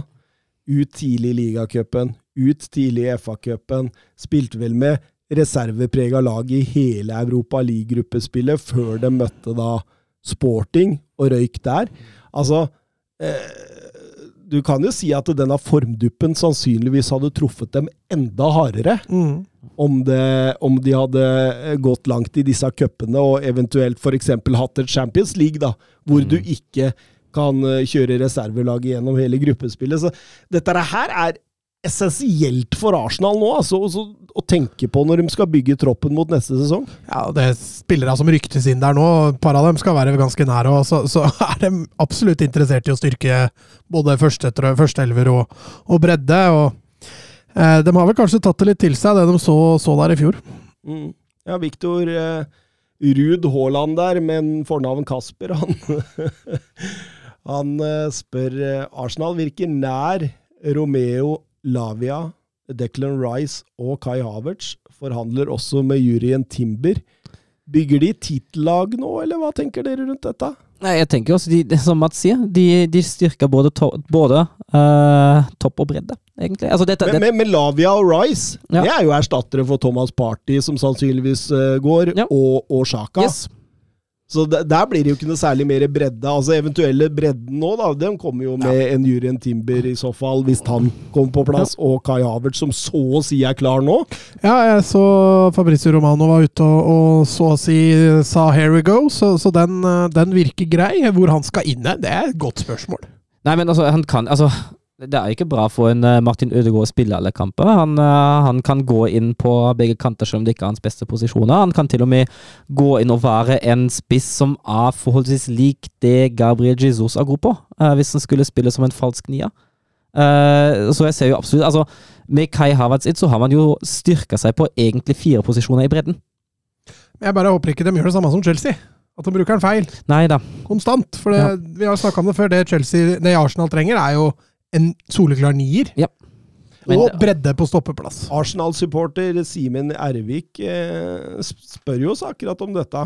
Kan dere motivere meg litt? Åpenbart at han er litt negativ. Mm. til en eventuell tavert-signering Enorm i Tyskland, men klarer ikke å se ham passe inn i Arsenal, og har heller ikke vært imponerende i Chelsea. Altså, jeg tenker Han må inn og konkurrere med Saka og Ødegaard. Ja. Det er jo de to plassene han er best. Jeg er enig. Og det er kanskje de to beste offensive spillerne til Arsenal. jo. Ja, men samtidig, altså Igjen, én skade på en av de, så sitter du der. Og så har du ingen erstatter. Ja, jo, Men ikke en skade på en av de, så sitter du der med misfornøyd spiller.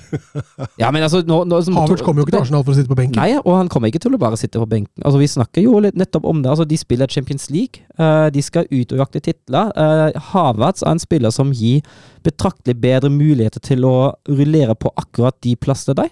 Eh, slik at man slipper at uh, Havertz og Ødegaard må spille hver eneste kamp.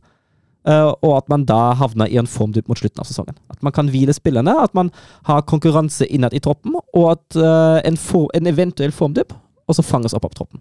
Så jeg, jeg mener at det er en veldig fornuftig overgang i bredden. Men, men en ting jeg tenkte på, det er Kan det være et ledd å ha litt flere strenger å spille på? Fordi han er veldig annerledes enn de andre eh, offensive spillere Mm. til Arsenal. Og man kunne jo ane utover, eh, utover sesongen at det var flere lag som løste denne Arsenal-koden. og eh, så, så det er mulig at det er et ledd i videre utvikling da, på, å- på å ha flere måter å angripe Mm. på. At man også innimellom kanskje kan legge Ødegaard dypt og, og Mm. Havertz høyere i, i kamper hvor de veit de kommer til å dominere og ha en del possession. Eh, en Havertz i tieren, det, det, det er bedre enn to Havertz i toeren. holdt jeg på. Ja, helt enig. Altså, og som sagt, altså, Så bra resonnement, og så ødelegger jeg det fullstendig Ja. på slutten! Jeg, jeg, men jeg, jeg er helt enig. Og som sagt, altså, jeg føler jo også at altså, hvis man så altså, Greit, da, da Jesus var ute, man brukte en Ketia på topp. Altså, ja, greit, han skårer litt mål og sånt, da. Men Arsenal mister jo også en dimensjon i spillet sitt. Uh, men jeg ville ikke hatt Havert som nier i Arsenal. Nei, nei ikke, ikke jeg heller. Men jeg sier at hvis det var, skulle være nødt å erstatte Jesus, hvis man ikke går inn en ny nier Det beste hadde vært å hente inn en ny nier, jeg er helt enig. Mm. Eh, men hvis man skulle havne der på Jesus pga. Uh, spissmarkedet nå, at konkurransen blir for stor til å signere en ny en, så har man i Havertz også en erstatter der som kan spille på en lignende måte som Gabriel Jesus gjør. Mm. Eh, så ja, nei, jeg, jeg syns ikke den overgangen er så dum, ja. Så har man jo Balagun, da, som bikka 20 mål i ligaen. Ja. Så man har litt strengere å spille på, på, på nieren også, men eh, ja, jeg, jeg er litt avventende på den Havertz-overgangen sjæl. Det blir spennende å se hvor mye han får spille, og ikke minst hvor de ender opp med å bruke den. Ja. Mm. Men altså, altså, altså, et ord nå om at han ikke var god i Chelsea. Uh, du har vært inne på det, Mats. Han ble ikke brukt riktig. Uh, vi har jo sett hvor Nei, jeg legger heller ikke det til grunn, at Nei han har vært dårlig. Jeg, Mm. jeg veit også at Havertz har et kjempepotensial, og, og det han gjorde i, i Leverkosen var, var fantastisk. Og på det beste i Chelsea så var han, jo bra. Ja, Enig. Um, men det er litt Champions League-finalen mot City. Hæ? Avgjorde Ja, Champions League. Og han, han, at han kan gå inn i Arsenal og gjøre en jobb hvis han får spille mye, det er jeg helt sikker på. Men det er hvordan de skal bruke den, og hvor mye spilletid han får. Um, andre lag eh, som overraska positivt. Newcastle på en fjerde, Brighton på en sjette, Brentford på niende og Fulham på tiende. Vi må jo si at denne, denne firerbanden her overraska oss positivt. Ja, ja. For all del. Og, og At Newcastle skulle greie topp fire, det var det vel ingen som tipsa, tippa på forhånd. Eh, den, den var det få som så komme. Det var riktignok på bekostning av f.eks. Chelsea og, og Liverpool, som skuffa nesten like mye som eh, Newcastle overraska. Eh, allikevel sitter jeg igjen med at Brighton og kanskje Fulham er de som overraska mest. At Brighton skulle surre seg inn der i toppen, og, og da legger jeg også til grunn at Potter dro tidlig i sesongen. Mm. Det der kunne rakna fullstendig, eh, men det Serbi kom inn der og bare gjorde det egentlig enda bedre. Mm. Så, så veldig positivt overraska over Brighton. Også fotballen de spiller, jeg syns den er dritkul. Eh, Den der feilvendt-rettvendt-filosofien de har, den, den er vanskelig å ta ut. Eh, Men selvfølgelig skal ikke glemme Brentford òg. De var tippa på nedrykk av bl.a. oss. Så, så de havner der oppe, er også en kjempeprestasjon. Også. Ja, det, alle meldte dem jo nord og ned. Mm. Så Eh, ja, nei, det har vært, eh, vært veldig gøy, og, og vi har snakka om Palinja før. Eh, og Saliba, viktigheten hans i Så må man vel kunne si at Palinja sin viktighet i Fulham er vel minst på høyde med nivå med Saliba sin i Arsenal.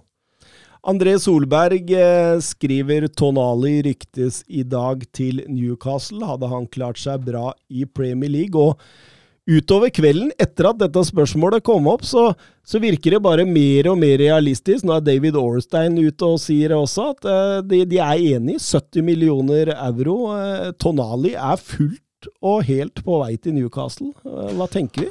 Ja, det er en spennende signering. Eh, ingen tvil om det. Det er et bra talent fortsatt, og, og fortsatt muligheter å utvikle, utvikle Tonali. Eh, litt mer spent på hvor han skal inn hen. Uh, han er jo kanskje best i Bruno Gimaresh-rollen, uh, så da må man enten omskolere Tonali litt, eller så må man omskolere Gimaresh litt.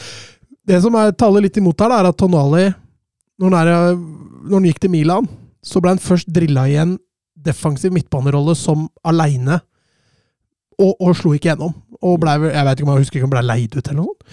Til Brescia. Ja, og så kom han tilbake igjen, og da spilte man med en toer defensivt på midten. Og da blomstrer han i større grad. Og nå må han da tilbake igjen til å spille enten indreløper eller en defensiv midtbanespiller. Så det skal bli spennende å se om han takler den overgangen. Kanskje den største utfordringen sammen, det å faktisk spille i en litt mer fysisk liga. Men han er veldig klok fotballspiller. Klok i posisjoneringene, god i avgjørelsene. Veldig voksen spiller til å være så ung. Og han, han er jo liksom kreativt, bra, nekte playmaker som Altså, eh, mangler kanskje litt tempo, men Jorginho har jo klart seg i Premier League uten tempo, han. Så det Ja, vi har Sammenligninga til Pirlo har vi dratt eh, ganske mange ganger, og den står seg fortsatt ok. Mangler kanskje det ekstreme høyrebeinet som Pirlo hadde, og er jo kanskje ikke like fotballsmart som det Pirlo var på sitt beste, men fortsatt ung. Skal vel spille U21-EM nå. Eh, Så her er det mm, Hvis de får det til, så er det mange artige år med, med Tonali. Et annet overraskelseslag vi har, er jo Vallecano. At de eh, lå lenge på skuddhold til Champions League denne sesongen. Det var ganske spinnvilt, Mats. Ja, litt som i fjor. De lå jo også på skuddhold da en liten stund, og så rakna det litt på slutten. Nå rakna det litt tidlig, men så kom de seg igjen helt på slutten der og, og var med å kjempe om eh, ikke Champions League, da, men Europa i hvert fall til siste, til siste slutt. Og klarte det også, så mm, eh, Nei, Iraola snakka litt om han i stad. Det han har gjort med Rayo de to siste sesongene, har vært, uh, har vært over all forventning, egentlig. Har du hørt om ny manager som eventuelt tar over? Ikke fått med meg noe, nei. Nei. Jeg, eh, jeg er redd det blir nedtur uansett. ja, sannsynligvis. Fordi det er, det, det er altså Å erstatte sånne type managere som er så klare i filosofien sin, og, og du har på en måte lykkes Ja, Du har liksom Eh, fått budskapet til spillere, Ja. så de stoler nesten blindt på deg. ikke sant? Ja. Å komme inn en ny en da, den er lei fordi spillere allerede har høye forventninger. Ja, absolutt. I eh, Bundesliga så markerte jeg Union Berlin og Freiburg som de store overraskelsene, Søren. Ja, det er jo på sin plass, det deg. Uh, Union Berlin er så voldsomt hva de får til. Uh, opptur etter opptur etter opptur etter at de rykker opp. Uh, det ble jo Andre laga greier ikke å ta, lese dem. Nå har de, jo- de har ikke akkurat uh, Selv om det er veldig Det- det- det er enkelt. veldig enkelt. Ja, det er det jeg mener. De har jo ikke utvikla spillet sitt Nei, nei, nei ikke, ikke i det hele tatt, men eh, det fungerer som bare pokker, og det går bare høyere og høyere opp, og man eh, lurer jo på når taket har nådd. Jeg tror jo taket har nådd nå, for all del, men uh, Champions League neste sesong, altså, eh, er en enorm prestasjon. Uh, altså, først Altså, det, det at det laget da i det hele tatt spiller internasjonalt, med det, med det budsjettet som de har, Ja, ja. med de forutsetningene som de har, altså hvis man, og hvis man ser på troppen spille etter spillet, altså det er ikke Det er ikke øverste topp i internasjonal toppfotball, det der, men det uh, Oliver Ronat, han er sportssjefen i, eh, i klubben, og OS Fischer gjør altså, De henter spillere som passer så perfekt inn. Uh, Avonidra, ok, da, da henter jeg meg inn uh, en Jordan, og Geraldo Bekka bare tar den Avonirollen perfekt og utfyller den til punkt og prikke. Jeg, jeg trodde altså- Europa League skulle knekke dem Ja, det trodde jeg òg, men de gjorde jo ikke det. Eh, en, en, altså, de leder jo serien i Bundesliga til tider, de òg. Mm. en, en enorm prestasjon av Union, og uh, Ronat og Fischer de bygger lag, og Fischer han, eh, han er så god på å ta vekk motstanderens største styrke. Han er enorm i å analysere motstanderne eh, og finne måten da å gjøre det vondt på. Ja, så Fredrik Konradsen skriver her um, Syns dette var litt interessant spørsmål. Det er litt sånn morsomt spørsmål. Eh, eh, hvordan tror dere det vil gå med Union Berlin? En liten nisjeklubb som plutselig har opplevd braksuksess og får en del penger mellom hendene. Ikke alle som takler dette steget. Tror dere de takler det, og, og kan de etablere seg som en tysk toppklubb? Todelt spørsmål der? Uh, altså, jeg tror de takler det. Uh, jeg syns egentlig Union har vist gang på gang at selv om om det vokser i klubben, og om det vokser rundt klubben, uh, at de blir trofaste i sin filosofi. At de henter spillere som passer godt inn. At de ikke gjør noe galt Altså noen gale ting, da. Crazy stuff på overgangsmarkedet. Det er ikke fristende å hente en Neymar! Nei men, altså, men, jeg syns ser Neymar løper hjemover i det systemet der. Altså hvis, man ser, hvis, man ser, hvis, man, hvis man ser de ryktene som de har kobla til nå altså Det er jo en, det er en Sergino Dest, det er en, eh, det er en Diallo i, i Celta Vigo, og litt den prisklassen der, så man sikter jo litt grann høyere, og det er jo helt greit. Men jeg føler, føler fortsatt at man bygger litt sånn stein på stein. Eh, Jeg føler at Ronat og Fischer vet veldig veldig godt hvilke typer, hvilke spillere de skal ha inn i laget. Uh, og bygger dette akkurat som, som de føler de trenger. Eh, så jeg, jeg tror ikke de gjør noe jeg tror, jeg, tror ikke, jeg tror de kommer til å takle det bra. Uh, når det gjelder det å etablere seg i toppen, den er jo betraktelig vanskeligere. Uh, selv med Champions League-pengene i, i hendene nå, er det jo fortsatt ikke en klubb som har det største budsjettet. Uh, det er jo en del klubber som bør ligge foran Union Berlin på tabellen. Eh, og at for Union Berlin skal klare å etablere seg i toppen, så må jo de treffe på så å si alt, og de andre klubbene må, bom, må bomme litt. Uh, som f.eks. Leverkosen gjorde forrige sesong. Eh, så den ser jeg ikke helt. Uh, nå må man jo avvente litt overgangsvinduet. Uh, men jeg ser jo en, realist, en, altså en plassering mellom jeg vet ikke, sjette, syvende og sånn rundt tiendeplass som realistisk neste sesong for Union Berlin, for all del. Eh, klubben sjøl er jo veldig ydmyk på at vårt, vårt mål neste sesong det er å holde plassen i Bundesliga når vi har sikra den. Eh, hvis vi sikrer den tidlig, kan vi eventuelt se høyere, men pri én det, er å sikre plassen. Eh, så det er ikke noe økt forventningspress som kommer verken innenfra eller utenfra.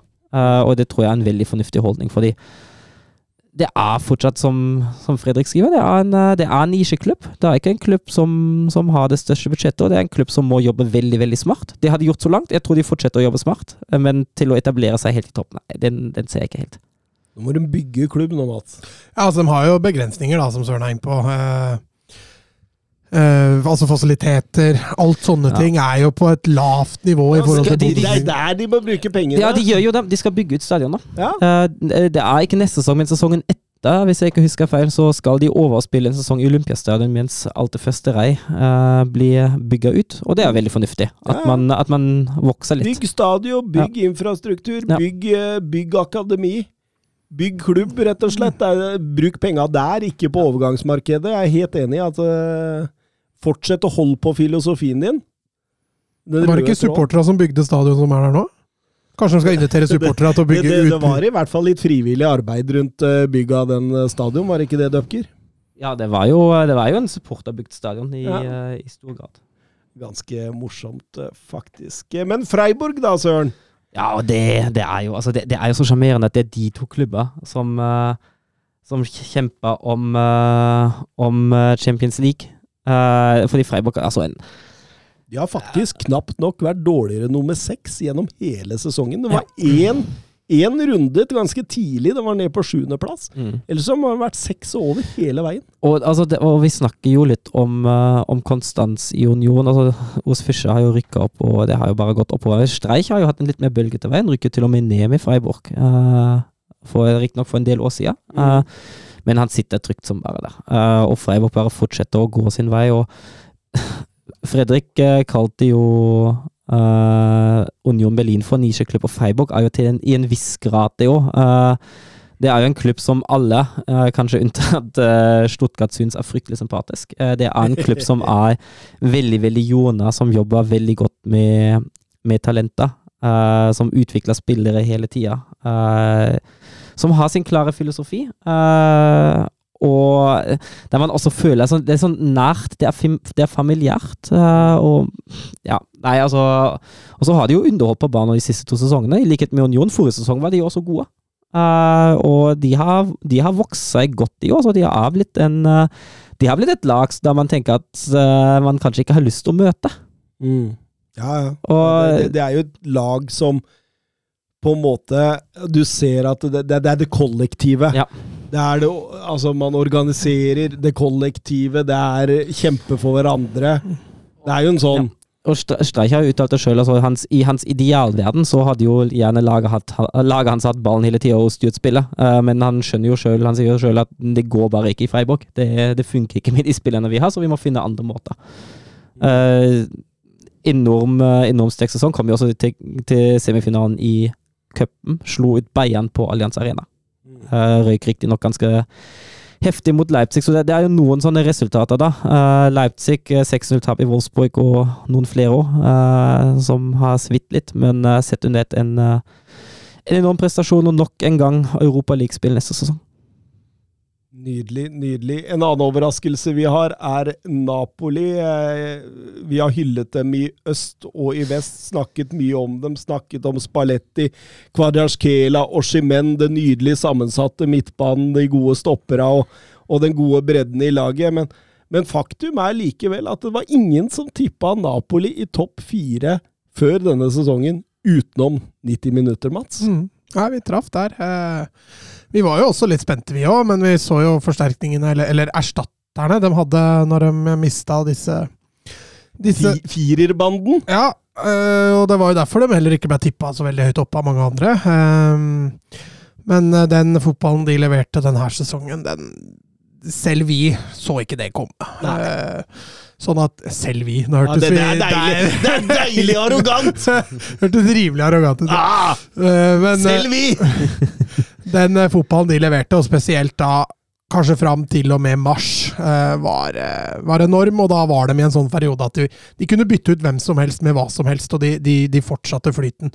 Osimen, Kvarasjkela, kanskje, kanskje de som har vært mest synlige, men Lobotka, som vi har nevnt, vi kåra jo Serie A's beste defensive midtbanespiller denne sesongen. Veldig fortjent. Eh, Kim Minja, som vi har vært inne på, kanskje beste stopperen i hele Serie A denne sesongen. Eh, Di Lorenzo, som ikke klarte årets lag for oss, men ja, Han kom på Serie A, da, men ikke ja, i Europa. Men soleklart den beste høyrebekken i, i Serie A. Altså, de, de, har truffet på veldig mye, altså. Eh, og på sitt beste denne sesongen, så har Har du ikke sett Napoli på sitt beste denne sesongen, så har du gått glipp av noe. Mm.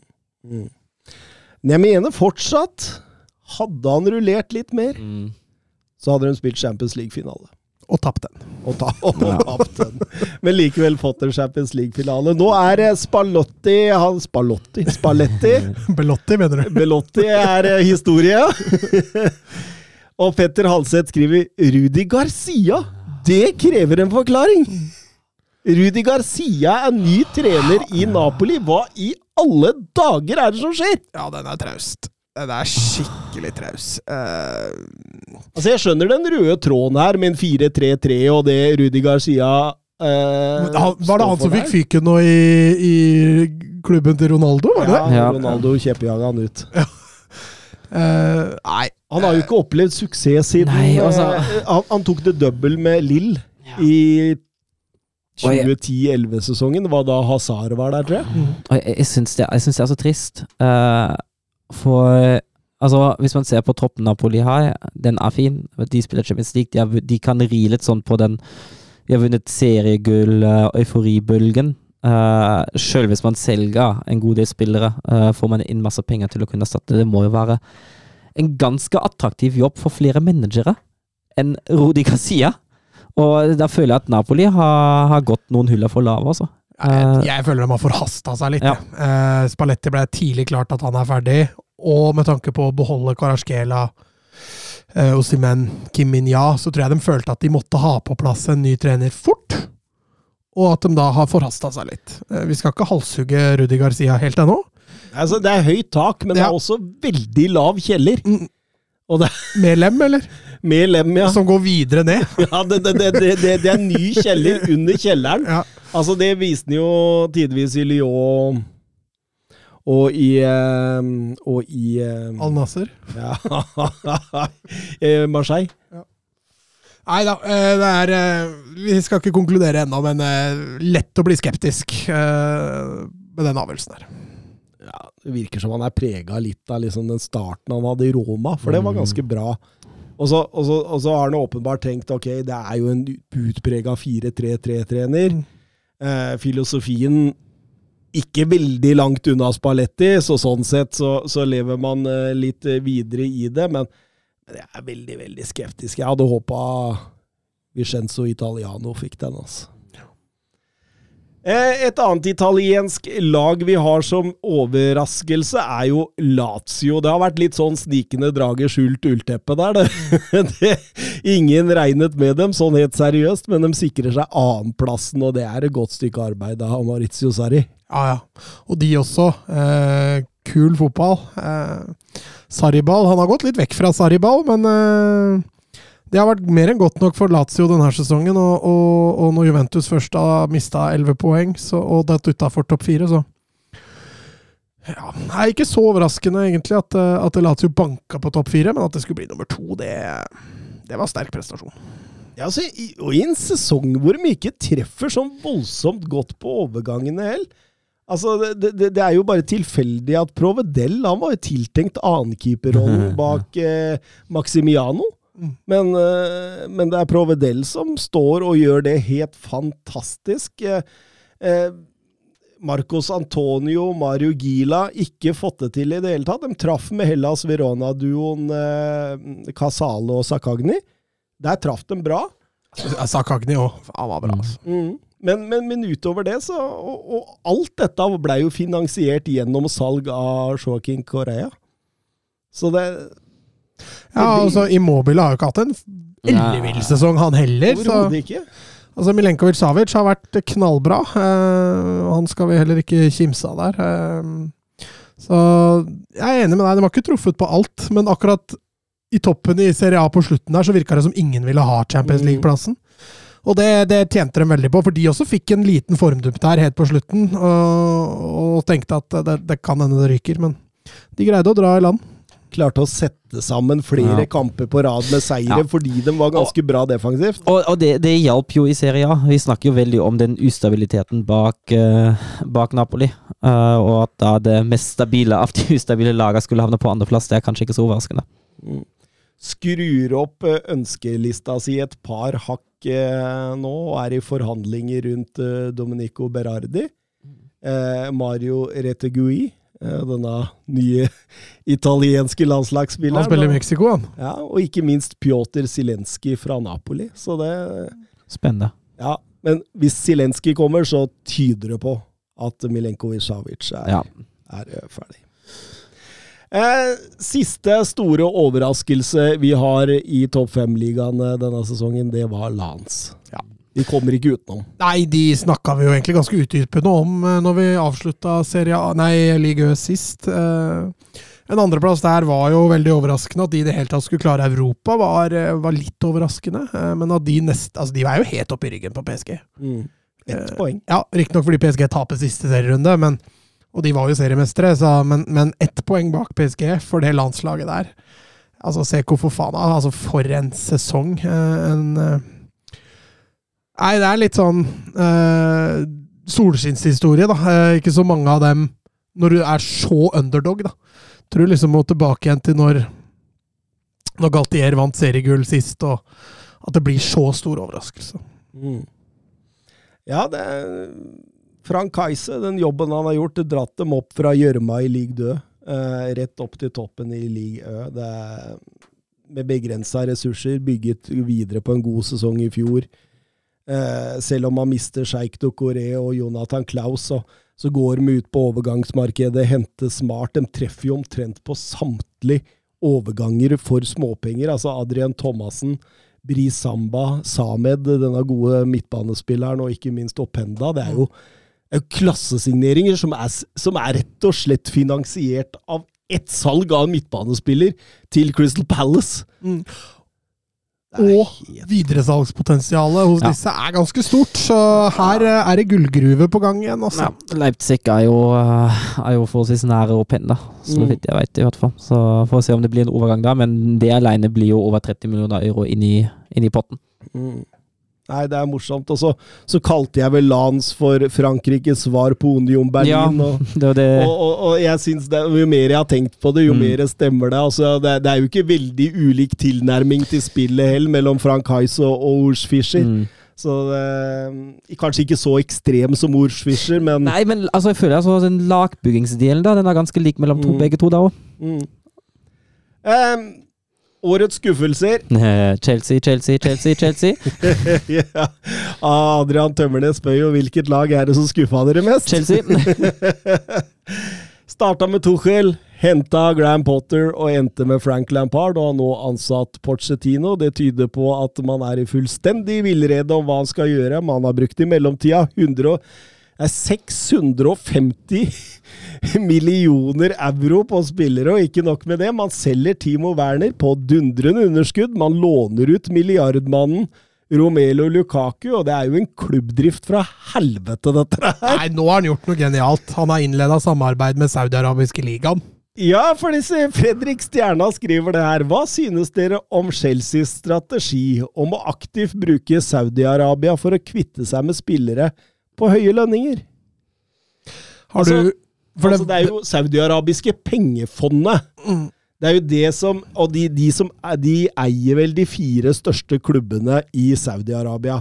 Og de har investert nå da store penger i Clear, Clear Lake Mm. Capital Group, som eier majoriteten av Chelsea. Todd Boiley var sjøl på besøk i Saudi-Arabia i juni og, og, og, og fiksa eh, dette her og dyrket et samarbeid for å kunne Fordi han ser han, Du så du var i ferd med å miste Søren, så du måtte prøve å dra han inn igjen. han ser, søren, at dette tjener Chelsea masse på. Todd Boiley, rein businessmann.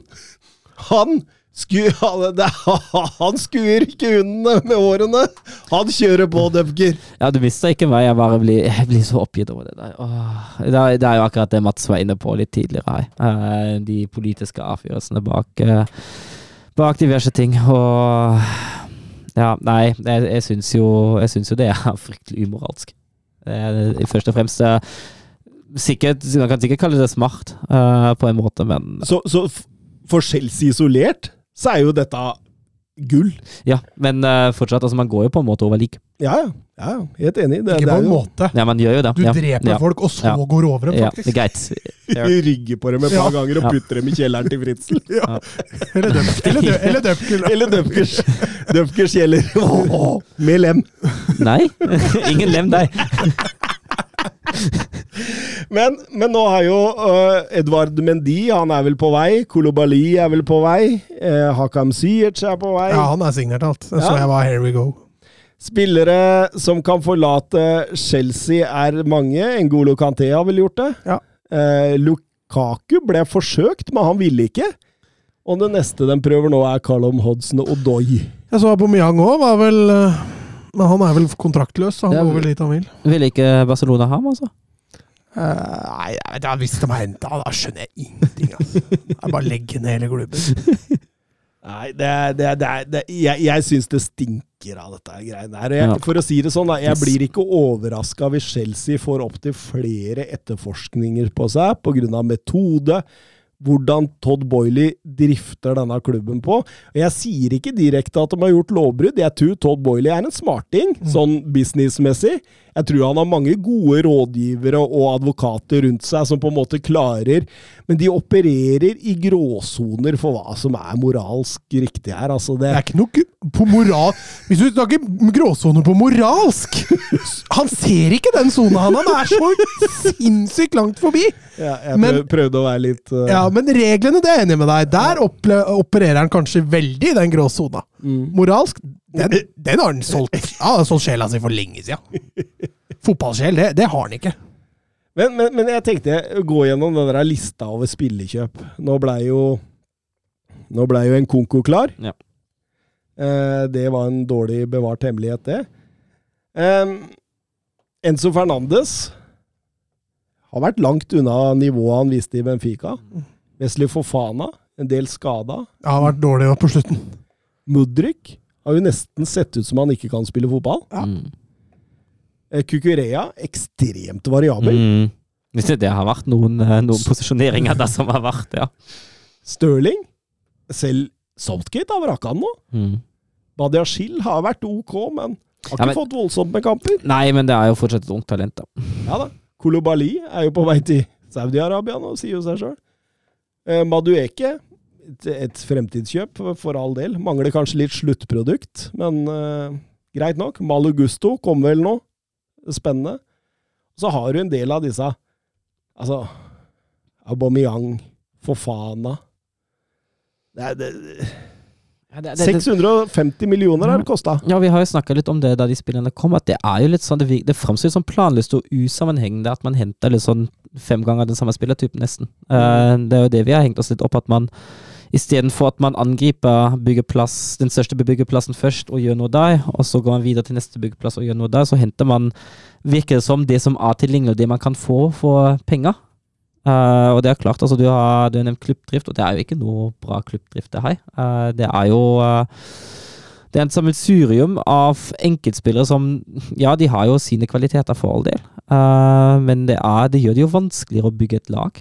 Særlig, for, særlig fordi da du har kanskje fire mann som kan spille den ene venstrevingen, så mangler du fullstendig en som kan spille en fornuftig spissrolle. da.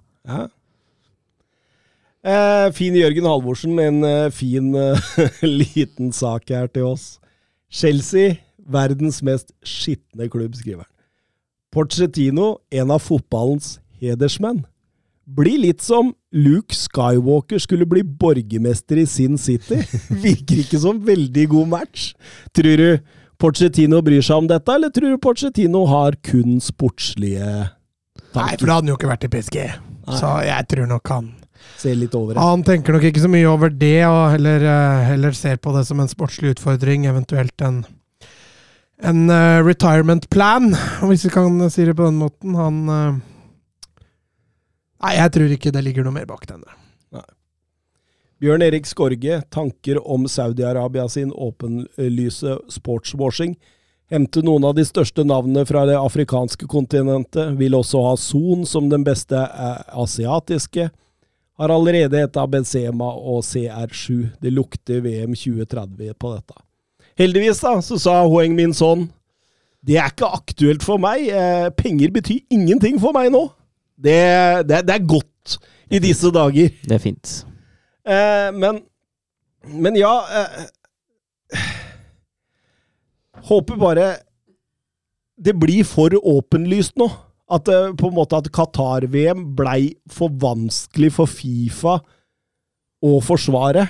At det blei for mange Altså, jeg, det, det er- liksom fordi Hvis Saudi-Arabia kommer til å arrangere VM nå altså, det, det er åpenbart en plan rundt dette, ikke sant? Altså, kommet seg inn i Newcastle, Messi-ambassadør, hente spillere, Clear Lake-avtalen Altså, alt dette her er jo for å få VM i 2030. Mm.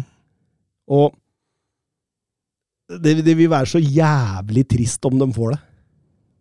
Det vil være jævlig trist. Ja, jeg bare håper da de store nasjoner og, og spillere eh, starter mye før. At man ikke starter et halvt år før VM med å boikotte og, Ja. og, og markere, men at man begynner med en gang. altså Qatar-VM, altså der, der var det åpenbart også ekstremt høye summer i forhold til, til um, penger under bord og, og all den dritten her, og det veit du det er med Saudi-Arabia, og hvis de får VM um, Men ja, får dem VM, og, og det ikke skjer noe da, så da tror jeg jeg mister lysta helt. Tror Ja, på VM i hvert jeg fall. tror jeg kommer til å tror jeg kommer til å miste det helt. Altså, Ikke det at jeg kommer aktivt til Samme som Qatar. Jeg, kommer ikke, jeg tror ikke jeg kommer til å orke å se på det. Jeg tror ikke jeg finner det noe Nei, Hvis Saudi-Arabia får det nå, at man ikke har lært litt av det som skjedde i Qatar hvis, hvis, hvis de største laga nå, Brasil, England, Tyskland, alle de der, der går inn i, med like positiv vibe rundt dette VM-et, da tror jeg faktisk jeg mister det litt òg, altså. Da, det, det blir for mye. Eh, Saudi-Arabia er dessuten enda mer skittent enn Qatar mm. tross alt. Nei um, Sevilla. Jeg har dem som en skuffelse, men det, det er jo De redda seg. Ja, de Ja. redda jo seg litt, men Ja, i, i seriespill er jeg enig, men uh, de vinner jo tross alt Europa League og spiller Champions League neste sesong, og det redder jo hele sesongen.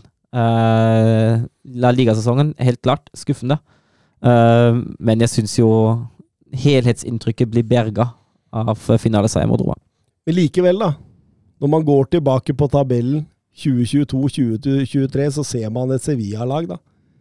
På tolvteplass. Mm. Så, det, man- så det, det, er- det er jo ikke bra å liksom eh, Det skjedde mye rart eh, der før sesongen. Man solgte La Ligas beste stoppeduo. Eh, ja, eh, Erstatta dem eh, tvilsomt. Lucas Ocampos ble utrolig nok lånt ut til Ajax, og man henta spillere på free transfer i Isco og Janusai som ikke fungerte.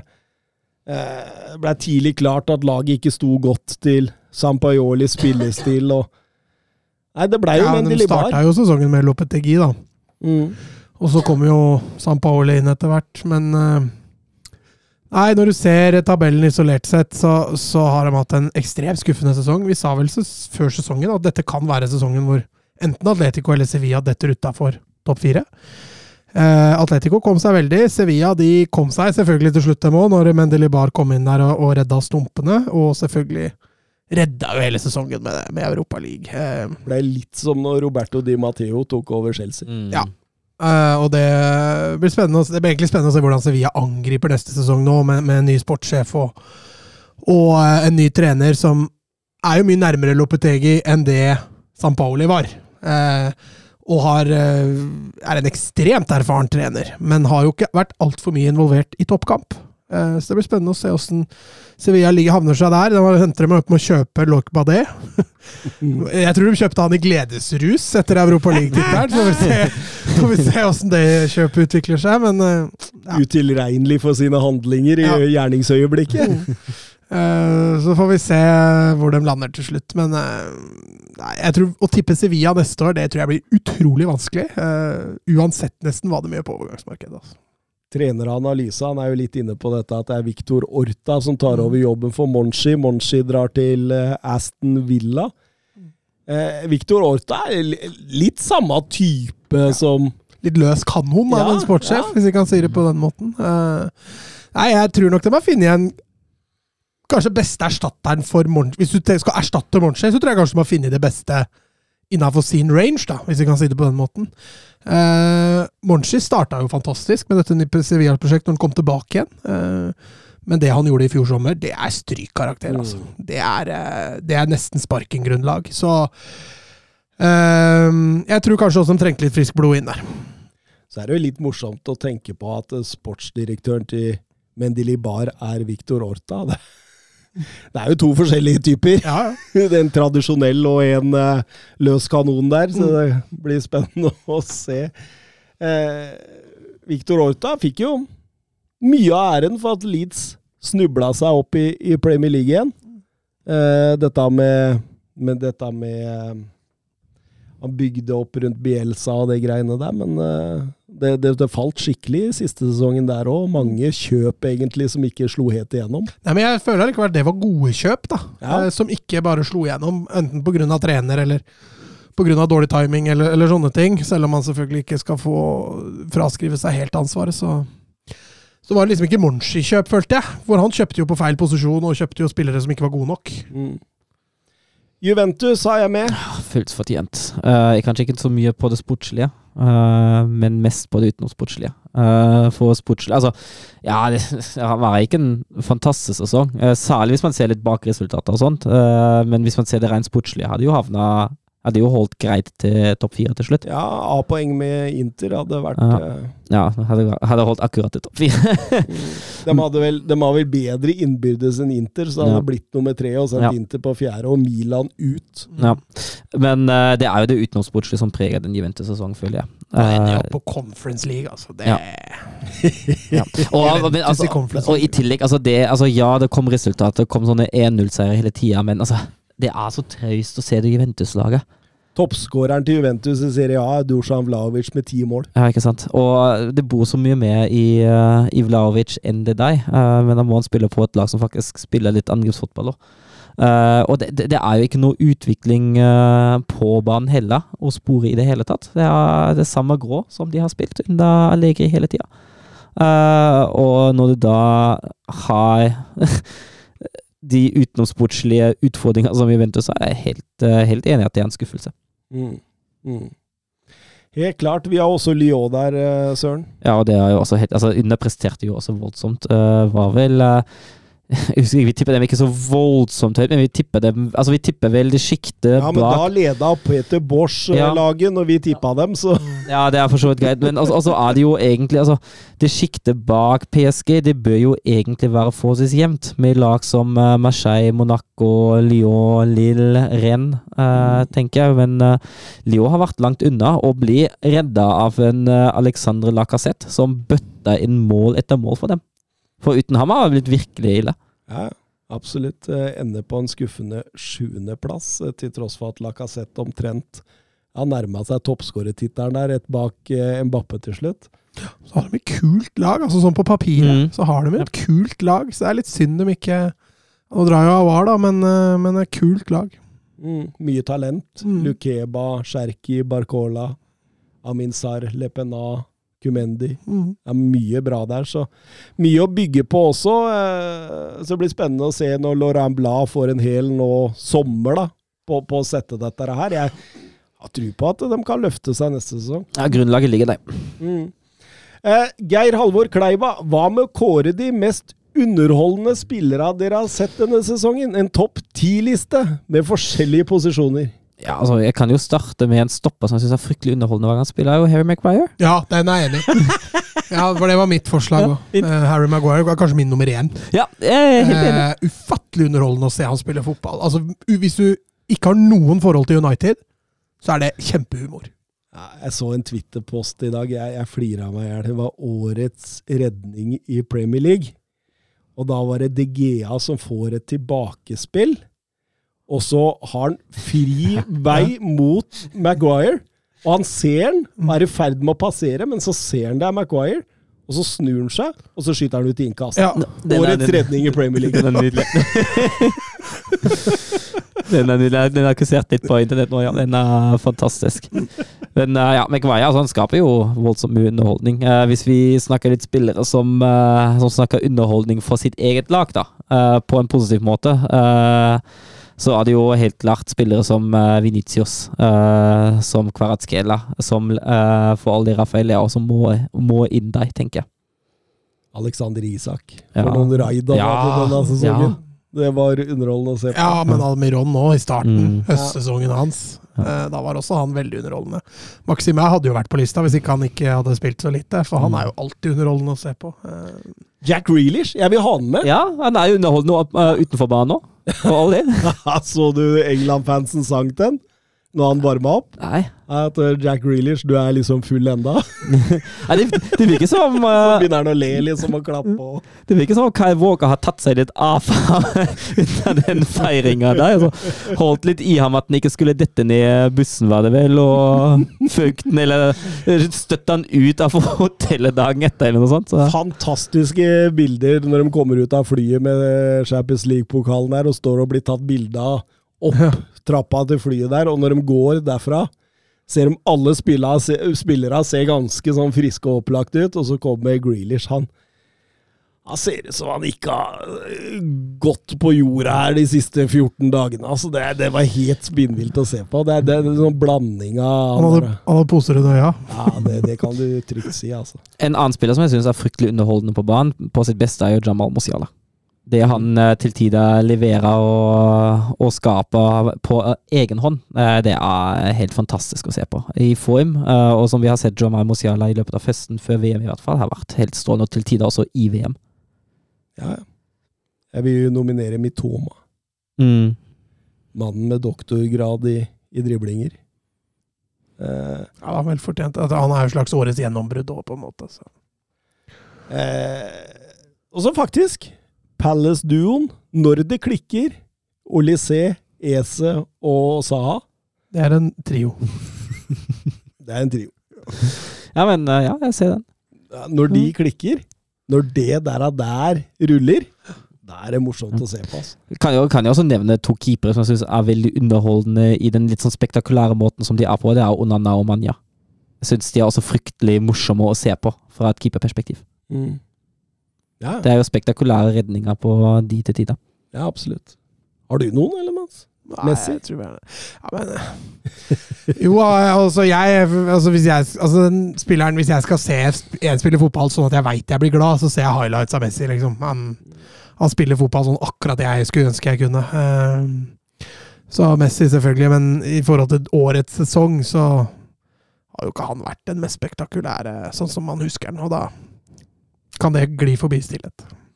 Tor Christian Stensrud, bør Spurs punge ut med 50 millioner for å kjente Madison? Eh, hva tenker vi? 50 millioner for Madison, bør de? Det er jo en stiv pris, ja. Eh, voldsomt stiv pris, men samtidig altså, Det er jo litt sånn den posisjonen der Spurs mangler en spiller. Det er, sånn, det, det er et sånn veldig klart hull, føler jeg. Uh, men så har jo Spurs også noen andre plasser å fylle, og 50 millioner på en enkeltspiller, det blir ganske dyrt. Og det er, ikke, altså, er jo kanskje spørsmålet litt om man finner en spillere til, uh, til mindre penger fra utlandet som kan utfylle den rollen like god, da. Er ikke Newcastle meldt seg på der?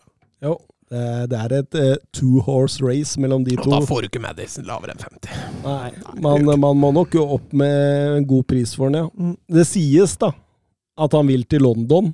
At han er, det er der familien er og sånn. Så Tottenham i førersetet sånn sett, men Newcastle i førersetet når det kommer til Champions League og, Og penger. og penger, så det er litt vanskelig å si. Eh, ellers, de blir jo eh, voldsomt rykta til, eh, til keeperposisjonen nå. Det ser ut som David Raja, at den de, de vil ikke gi 40 for den. Nei, det er jo en stiv pris. Det, det Det kan er jeg ett jo år forstå. igjen, var det ikke? Ja. Det er en, Du må eh, flekken.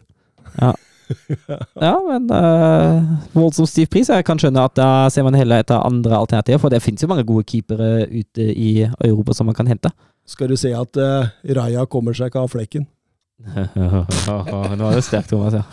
Ferdig, da! Den var bra! Kom du på den nå, eller har du tenkt på den? Nei, jeg kom på den. Oh, ja, men det var bra. Det var Fint, fint. Eh, så, så Marmadashvili og Vikario er Ja. to keepere Tottenham ser til nå. Ja, det er, det er jo unge og lovende keepere, så det er jo gode alternativer som sikkert ikke koster 40 millioner euro. Mm. Ellers så blir de linka tett til Tapsoba, Laporte, Kygo, angrepsspilleren i, i eh, Celtic, og, og Frank Kessi, blant annet. eh, Kygo? Kygo, ja. Er ikke det han som spiller musikk, da? Jo, Ja, men Thomas, du blir jo glad når, når Tapsoba endelig kommer til Spurs, da. Å, så deilig. Å, Ja, ikke så sant? deilig. Favorittspilleren din? Ja. Tottenham svar på Upamecano? Ja. Ja, det er vel, det er vel kun Herring Weia du enda mer skulle ønske kom til Spurs. Eh, Petter Martin Støvland, Jeremy Doku og Manor Soloman eh, linka til Spurs. Hva tenker Thomas? Jeg tenker jo at dette er eh, Post Koglu-spillere, så selv om jeg ikke veit hvor mye det ligger i ryktene, så forstår jeg jo at disse typer spillere blir linka. Doku har vi jo som podkast fulgt lenge. Har hatt litt skadeproblemer som ser ut til å være over nå, og det potensialet er jo skyhøyt. Soloman, eh, teknisk kreativ type, veldig spennende. Blir jo kalt Israels eh, Eden Hazard. Det, Det kan man jo se på likhetene, men liksom litt ustabil, så, så, så man må vente og se der. Men, men spennende navn. Jeg, jeg syns jo alt rundt Tottenham og de blir jo linka til spillere i øst og vest, så det, eh, det, det er så veldig vanskelig å, å på en måte ta inn over seg, men, men kult at de sikrer Kulisevskij nå for under opsjonspris. det, det, er, det er godt jobba. Det er sterkt, særlig etter, etter at Kulisevskij faktisk hadde en ganske brukbar sesong for Spurs. òg. Ja, ja. Han har jo vært strålende der, egentlig. Så det Nei, det Det er jo en eh, signering som var viktig, da. Og som på en måte var litt sånn satt av Poster Koglu, at den må vi, må vi fikse. Eivind Stølen, hva tenker dere om at Kovacevic eh, til City Klarer Pep å gjøre han til en bedre spiller, og hvordan vil han gli inn i laget? Nei, jeg tenker jo altså, Når Gundogan går, så er jo egentlig Kovacic sikkert tiltenkt uh, litt den rollen i laget. Uh, og jeg kan jo se for meg at Pep klarer å få mer ut av ham enn det han har vist i Chelsea. Mm. Uh, vi snakket litt om det i forrige episode, har stagnert litt, eh, for all del. Men det er jo Det, er jo, det ligger jo en god fotballspiller til grunn der. Eh, det er jo en eh, på sitt beste veldig, veldig bra spiller som med riktig coaching eh, kan fort hende at man får ham på et lignende nivå som Gundogan har vist seg. Eh, og så er det jo sånn den derre Altså, vi snakker litt om at Liverpool har bomma på å fornye seg. Eh, og du ser jo det i, i, i City, sjøl etter, etter å vinne The Triple. men fornyer litt og litt. Uh, det er enkeltlag der som alltid blir bytta ut. uh, og det, det er jo en veldig fornuftig framgangsmåte. Virker som også Guardiol kommer inn for å ta posisjonen til Laporte, som Mm. er på vei ut enten til Tottenham eller Aston Villa, som det står nå. Villa, altså. Ja, Villa vil opp og spise kirsebær med de store, de. Eh, men jeg, jeg, liksom, når jeg ser Chelsea liksom selger den ene etter den andre til rivalen sin også, da. Havertz til Arsenal og, og Kovacic til City. Det er liksom dårlig businessmodell allikevel. Ja, og det, det er jo ikke de dårligste spillene som Nei, eh, Chelsea har hatt. Det er ikke Stirling, liksom. Det er uh... Jørn Henland, da, Flo, da Florentino Perez uttaler Vi kommer ikke til å kjøpe mer denne sesongen, er det like sikkert som en leder sier. Treneren har full tillit. Ja, det Altså, det, det, hvis de ikke kommer til å kjøpe mer, da, så står de med Joselu som spiss. Ja. Og Rodrigo Venitius der, og kanskje Valverde da, som en backup på kant. Det er tynt, så at eh, Real Madrid ikke skal hente mer, det, det har jeg ikke noe tro på. De kommer til å hente i hvert fall én til, eh, offensivt. Og så får vi se om de forsterker også en sårt tiltrengt høyreback. Men eh, det høres veldig rart ut hvis Real Madrid ikke skal hente flere spillere. Ja, nei, det Og så har man jo lært opp gjennom åra at man skal ikke stole på alt Florentino Perez sier. Så han er ikke en trustworthy person. Nei, jeg vil, altså. ikke, jeg vil ikke si det. Vil ikke si det. Ja, apropos skitne klubbeiere. Han, ja, det der, ja. Les deg litt av bakgrunnen til hvordan han fikk penger. Da. Eh, Jakob Hoff. Endelig skal Barcelona kjøpe sex igjen. Hæ? Barcelona skal kjøpe sex igjen. Sexy igjen. Å ja! du hørte, du hørte sjøl hva jeg hørte der, ja. ja. Det var ikke kjøpt sex på kjempelenge, vet du. Jeg skjønner jo at det Sexy! De skal kjøpe sexy! ja, okay. Vitor Roque. Hva kan dere opplyse oss om her? Det er en eh, spennende brasilianer. Havner vel litt i kategorien med Venitius og, og Rodrigo. Eh, Embrik, eh, de folka der. Eh, vi får se om det går i orden. Eh, Barca kan jo ikke begynne å kjøpe spillere ennå, dem. Så um, jeg tror vi skal eh, avvente litt den feiringa, men eh, veldig spennende spiller. Hadde vært utrolig artig om de fikk det til, faktisk. Litt sånn utradisjonell brasiliansk, fordi jeg skrev vel på Twitter i desember i fjor, tror jeg, at eh, han minner meg litt om både Neymar og Hulk. ja. Og det er litt sånn spesiell kombo. Mm. Eh, men en sånn fantastisk teknikk og balanse. Veldig kreativ og uforutsigbar, så han har jo liksom på en måte de tinga som, så, som kjennetegner de brasilianske. Men han har en work rate og en power også, som er ganske eksepsjonell altså, for å være 18 år. God med begge beina her nå. Jeg er ganske sikker på at dette er en klassesignering. Mm, hvis Hvis, får det til. eh, hvis de får, eh, får det til, ja. Ingen tvil om det. Vi kjenner jo til økonomien her. Ja, det, det er jo det, da. Det, Bare det å registrere spillere i Barcelona er jo kjempeproblem. ja, men det, det, er, ikke- det er ikke noe krise. De har jo fortsatt 75 av TV-rettene sine, ikke sant? kan selge, fortsette å selge. ja. Eh, og så er Gundogan så å si er klar også, så Og den fikk registrert Gavi. mm. Det går nok mot en løsning, skjønner du. Eh, Torjus Hansen. Sadio Mané var enorm mot Brasil i går. Hvor tror dere han ender opp? Flere i England som bør forsøke seg her, eller? Jeg tror han blir det. Jeg tror også han blir fordi har Bayern betaler han for godt, og jeg tror ikke at noen har lyst til å kjøpe ham ut. Um, og så føler jeg egentlig ikke at klubben bør henge seg på, uh, for jeg føler at Du tok, du tok pause Det- jeg vet. akkurat på riktig tid. Ja, merker det sjøl.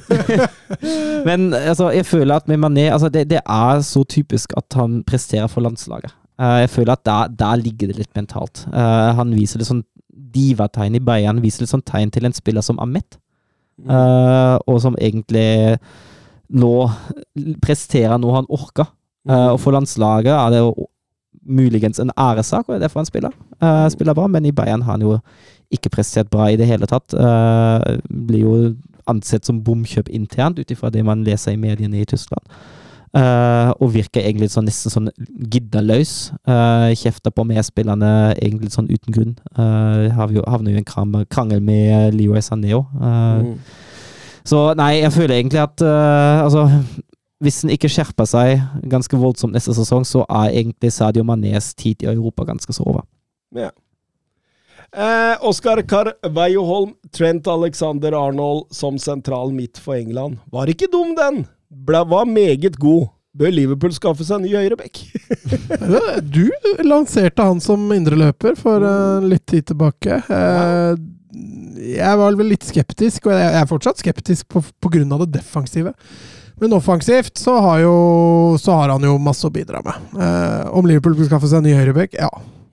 Hvis Arnold skal fortsette å prestere på det nivået han har vært i år, så må de ha en ny høyrebekk. Og da kan de heller bruke Arnold på midtbanen. Men det løser ikke det defensive utfordringen til Christ- eh, til Kristoffer Arnold. si.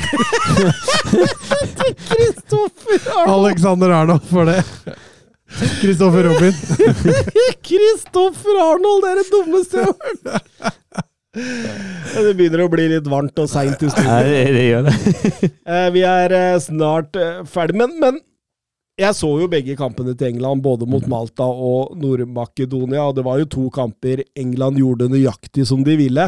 Vant vel til sammen 11-0 der. Jeg skulle jo bare mangle mot det mot Så det var jo greia, det var jo Mm. greie kamper å, å være indreløper i, men, men jeg, jeg skal innrømme, det så veldig, veldig bra ut, altså. Han var veldig delaktig. Alltid ville ha ball, så framover, var liksom sånn framoverretta. Eh, søkte disse Kevin De Brøne-innlegga og, og bruke høyrefoten sin hele veien på gjennombrudd.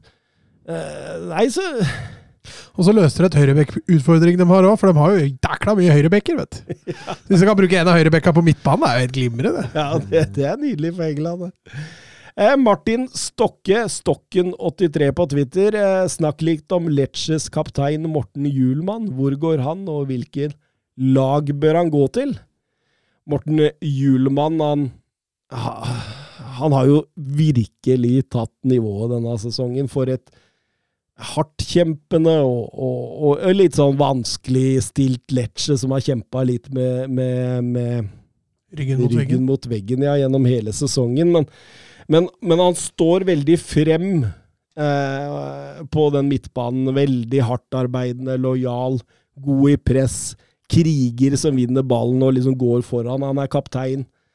Eh, har bare ett år igjen av kontraktene, og, større lag eh, banker på døra. Jeg er ganske sikker faktisk om at eh, hvis ikke Danmark hadde hatt Pierre Emil Hørbjerg, så hadde han for lengst hatt sin debut i i det danske landslaget. Fordi de, de, de, du, kan se litt sammenligningen eh, med, med de to. Um, Roma, Milan og Juventus skal være lag som følger den ganske tett nå, inkludert noe Bundesliga-lag. Union Berlin. Eh, hva- hva sa han? Ja, passa nydelig inn! Mhm. Passa nydelig inn. Eh, Men, men jeg mener jo han bør bli i Italia, utvikla seg stort i Lecce nå, beherske Serie A, fortsett der, ta steg. Jeg syns Milan høres veldig sånn fornuftig ut hvis Tonali går nå. Mm.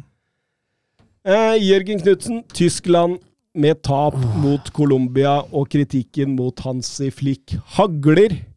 Er det mannen som skal lede de Mannschaft i EM på hjemmebane? Ja, jeg frykter det. Uh, Han er ikke fornøyd med Ståle, og ikke med Hansi. Nei, Nei, han, er ikke, han er ikke fornøyd med noe. nei, men det er ikke, det er ikke, det er ikke noe å være fornøyd med. du var med. fornøyd når han ble ansatt? Flikk, ja, ja. ja. Og så har han skuffa stort i uh, VM, og så har han skuffa siden. Uh, Men kan han være en klubbtrener? ja, jeg har, jeg har litt sånn mistanke der, for det han gjør jo nå Altså, nå driver han jo bare og eksperimenterer i alle de tre kamper som har vært. Det altså, han, han, Tyskland har jo bare treningskamper opp til EM siden Tyskland er vertsnasjon. Uh, og han har jo ikke begynt med å bygge en fast elve engang. Uh, og det er jo litt crucial at man Mats, du er inne på det når du sier at landslaget har litt mindre tid å spille sammen. Man bør kanskje begynne å finne en elve ett år før turneringsstart.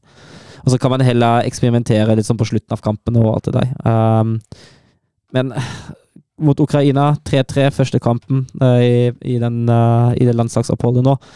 Fryktelig rotete defensivt. To sene skåringer som sikrer ett poeng mot uh, Polen 0-1. Uh, Riktignok uh, skåra Polen på sin eneste sjanse, og Tyskland makta ikke å skåre på sine, men skuffende det òg. Colombia-kampen fortjent 2-0-tap. Uh, sportsdirektør i Fotballforbundet i Tyskland, Rudi Føller, han har uttalt at uh, Hansi Flick han har jobbgaranti. Uh, Fotballpresidenten Bernt Neuendorf han uh, støtter Føller i det, så vi ser nok ikke et trenerbytte da med det første. Men, um, Men Tyskland skal ha for at de er fryktelig lojale og tålmodige med ja, trenerne sine. men altså, han har ikke altså, han Han har, Jogi Løv òg satt jo en Ja, da- han evighet sa- etter at det der han, rakna han satt jo altfor lenge. Han bør jo, vært, han, han bør jo ha slutta etter VM 2018, da det ikke fungerte lenger. Det, var, det bør jo han være slutt. Hva Altså, driver han med nå? Ja, ja, han er klubbløs. Han er profesjonell busepeller. Men, og, I og, Fritzels og, og det er liksom det som det, Du, han ligger rett under lemmen der, faktisk. Det er liksom det som irriterer meg, da, at altså, fotballforbundet altså, Fotballforbundet gikk inn med Jogi Løv i EM i 2021, eh, og alle visste at det ikke kom til å gå. Uh, og nå er stemningen altså Nå, nå har det spredt seg en likegyldighet over landslaget i Tyskland, Uh, voldsomt. Uh, og det er hjemme-EM om ett år, uh, og det er fryktelig trist. Og nå, nå har vi jo den samme innstillinga at hvis vi går inn med flikk i det, i det mesterskapet, her, det kommer ikke til å bli bra i det hele tatt. Uh, Men, men kan det ikke være laget som ikke er det vet like bra som Ja, tidligere? for jeg syns det er noe høler i ja, dette det, det, er, det er det jo, men det vet vi jo strengt tatt ikke, for han bruker jo ikke de beste lagene. Bare, han driver jo og kaster rundt Han gjør som Ståle, han bruker Strandberg og sånn. Ja, nei, men han, altså, han, nå, nå, går han jo nå går han ut og sier helt klart da, nå, nå tester jeg litt. Eh, og nå har han brukt de siste to landslagsoppholdene til å teste ganske voldsomt. Eh, det, det er jo greit nok, det, da. Eh, men han må jo også begynne å sette et lag, tenker jeg. Eh, og særlig nå Jeg er helt enig med deg, det er hull i det laget der. Men det er ikke såpass store hull at eh, kampene mot Ukraina, Polen og Colombia ender med et uavgjort og to tap. Uh, og jeg tenker at hvis du har såpass store hull uh, i det laget, så hadde jeg fokusert litt mer på å faktisk få det materialet som alle til å spille bra sammen. Mm. Istedenfor å, å kaste inn uh, prøveprosjekt uh, 13 og 14. Ja. Så jeg er ikke optimistisk med tanke på det der, men jeg frykter at uh, Jeg frykter at Tyskland etter et dårlig EM ser seg nødt til å skifte landslagstrener. Men først deg. Først der. Hvem er aktuell da, tror du? Det er et sånt spørsmål. Altså, det, det er jo Jeg tenker jo altså Man, man kan jo. Man kan jo finne en overgangsløsning nå til EM. Altså jeg håper jo at Klopp på et eller annet tidspunkt har, har funnet ut at nå har jeg ikke noe mer å tilføre i Liverpool. Nå er det greit med et landslag. Det hadde vært drøm å få Jørgen Klopp på det tyske landslaget. Ja, han kan nok takle en landslagsjobb. Mot, motivator og Ja, Klopp? Josef Riise. Josef Å ja, såpass, ja. Ja, han bare ja, ja. Jeg var på Klopp, ja. Episoden her handla mye om Josef Riise. Skremmende mye, egentlig. Eh, sist, men ikke minst, Jørgen Nystuen. U21-EM starter i morgen. Kjør en liten guide, da. Det starta vel allerede i dag, men jeg tror nok Jørgen Nystuen tenker på at Norge åpner vel i morgen mot Sveits. Ja. Det blir et vakkert mesterskap. Eh, mange fine kamper, mange enormt store talenter. Vi har noen vanvittig spennende grupper der. Eh, gruppe A inneholder Belgia, Georgia, Nederland og Portugal. Ja, og da kom jo en stor skrell i dag. Ja, Georgia slo Portugal 2-0. Det er heftig. Det er Ja. Masse her der. Eh, gruppe B. Kroatia, Romania, Spania og Ukraina. Gruppe C. Tsjekkia, England, Tyskland og Israel. Israel er ikke noe dårlig på aldersbestemt. Nei. Så der kan det være noen skrell. Eh, gruppe D. Frankrike, Italia, Norge og Sveits. Hvem som vinner, er ganske åpent. Eh, Norge ikke en del av favorittsjiktet. Ja, det er Overraskende, det. eh, men det var vel noen spillere der som ikke fikk bli med, var det ikke det? Skjeldrup. Skjeldrup, ja. Skjeldrup. Men Nosa er der. Nå så er det. Ypperste favoritten, da. Sannsynligvis Spania. Eh, de har med seg et voldsomt lag. Eh, eh, offensivt vanvittig med, med Gabriel Veiga, Alex Baena og Jan Sanse Roro Rekelme. Det, det, det, sammen med England og Frankrike, kanskje de, Mm. altså de trekløvere der, er vel kanskje de største favorittene.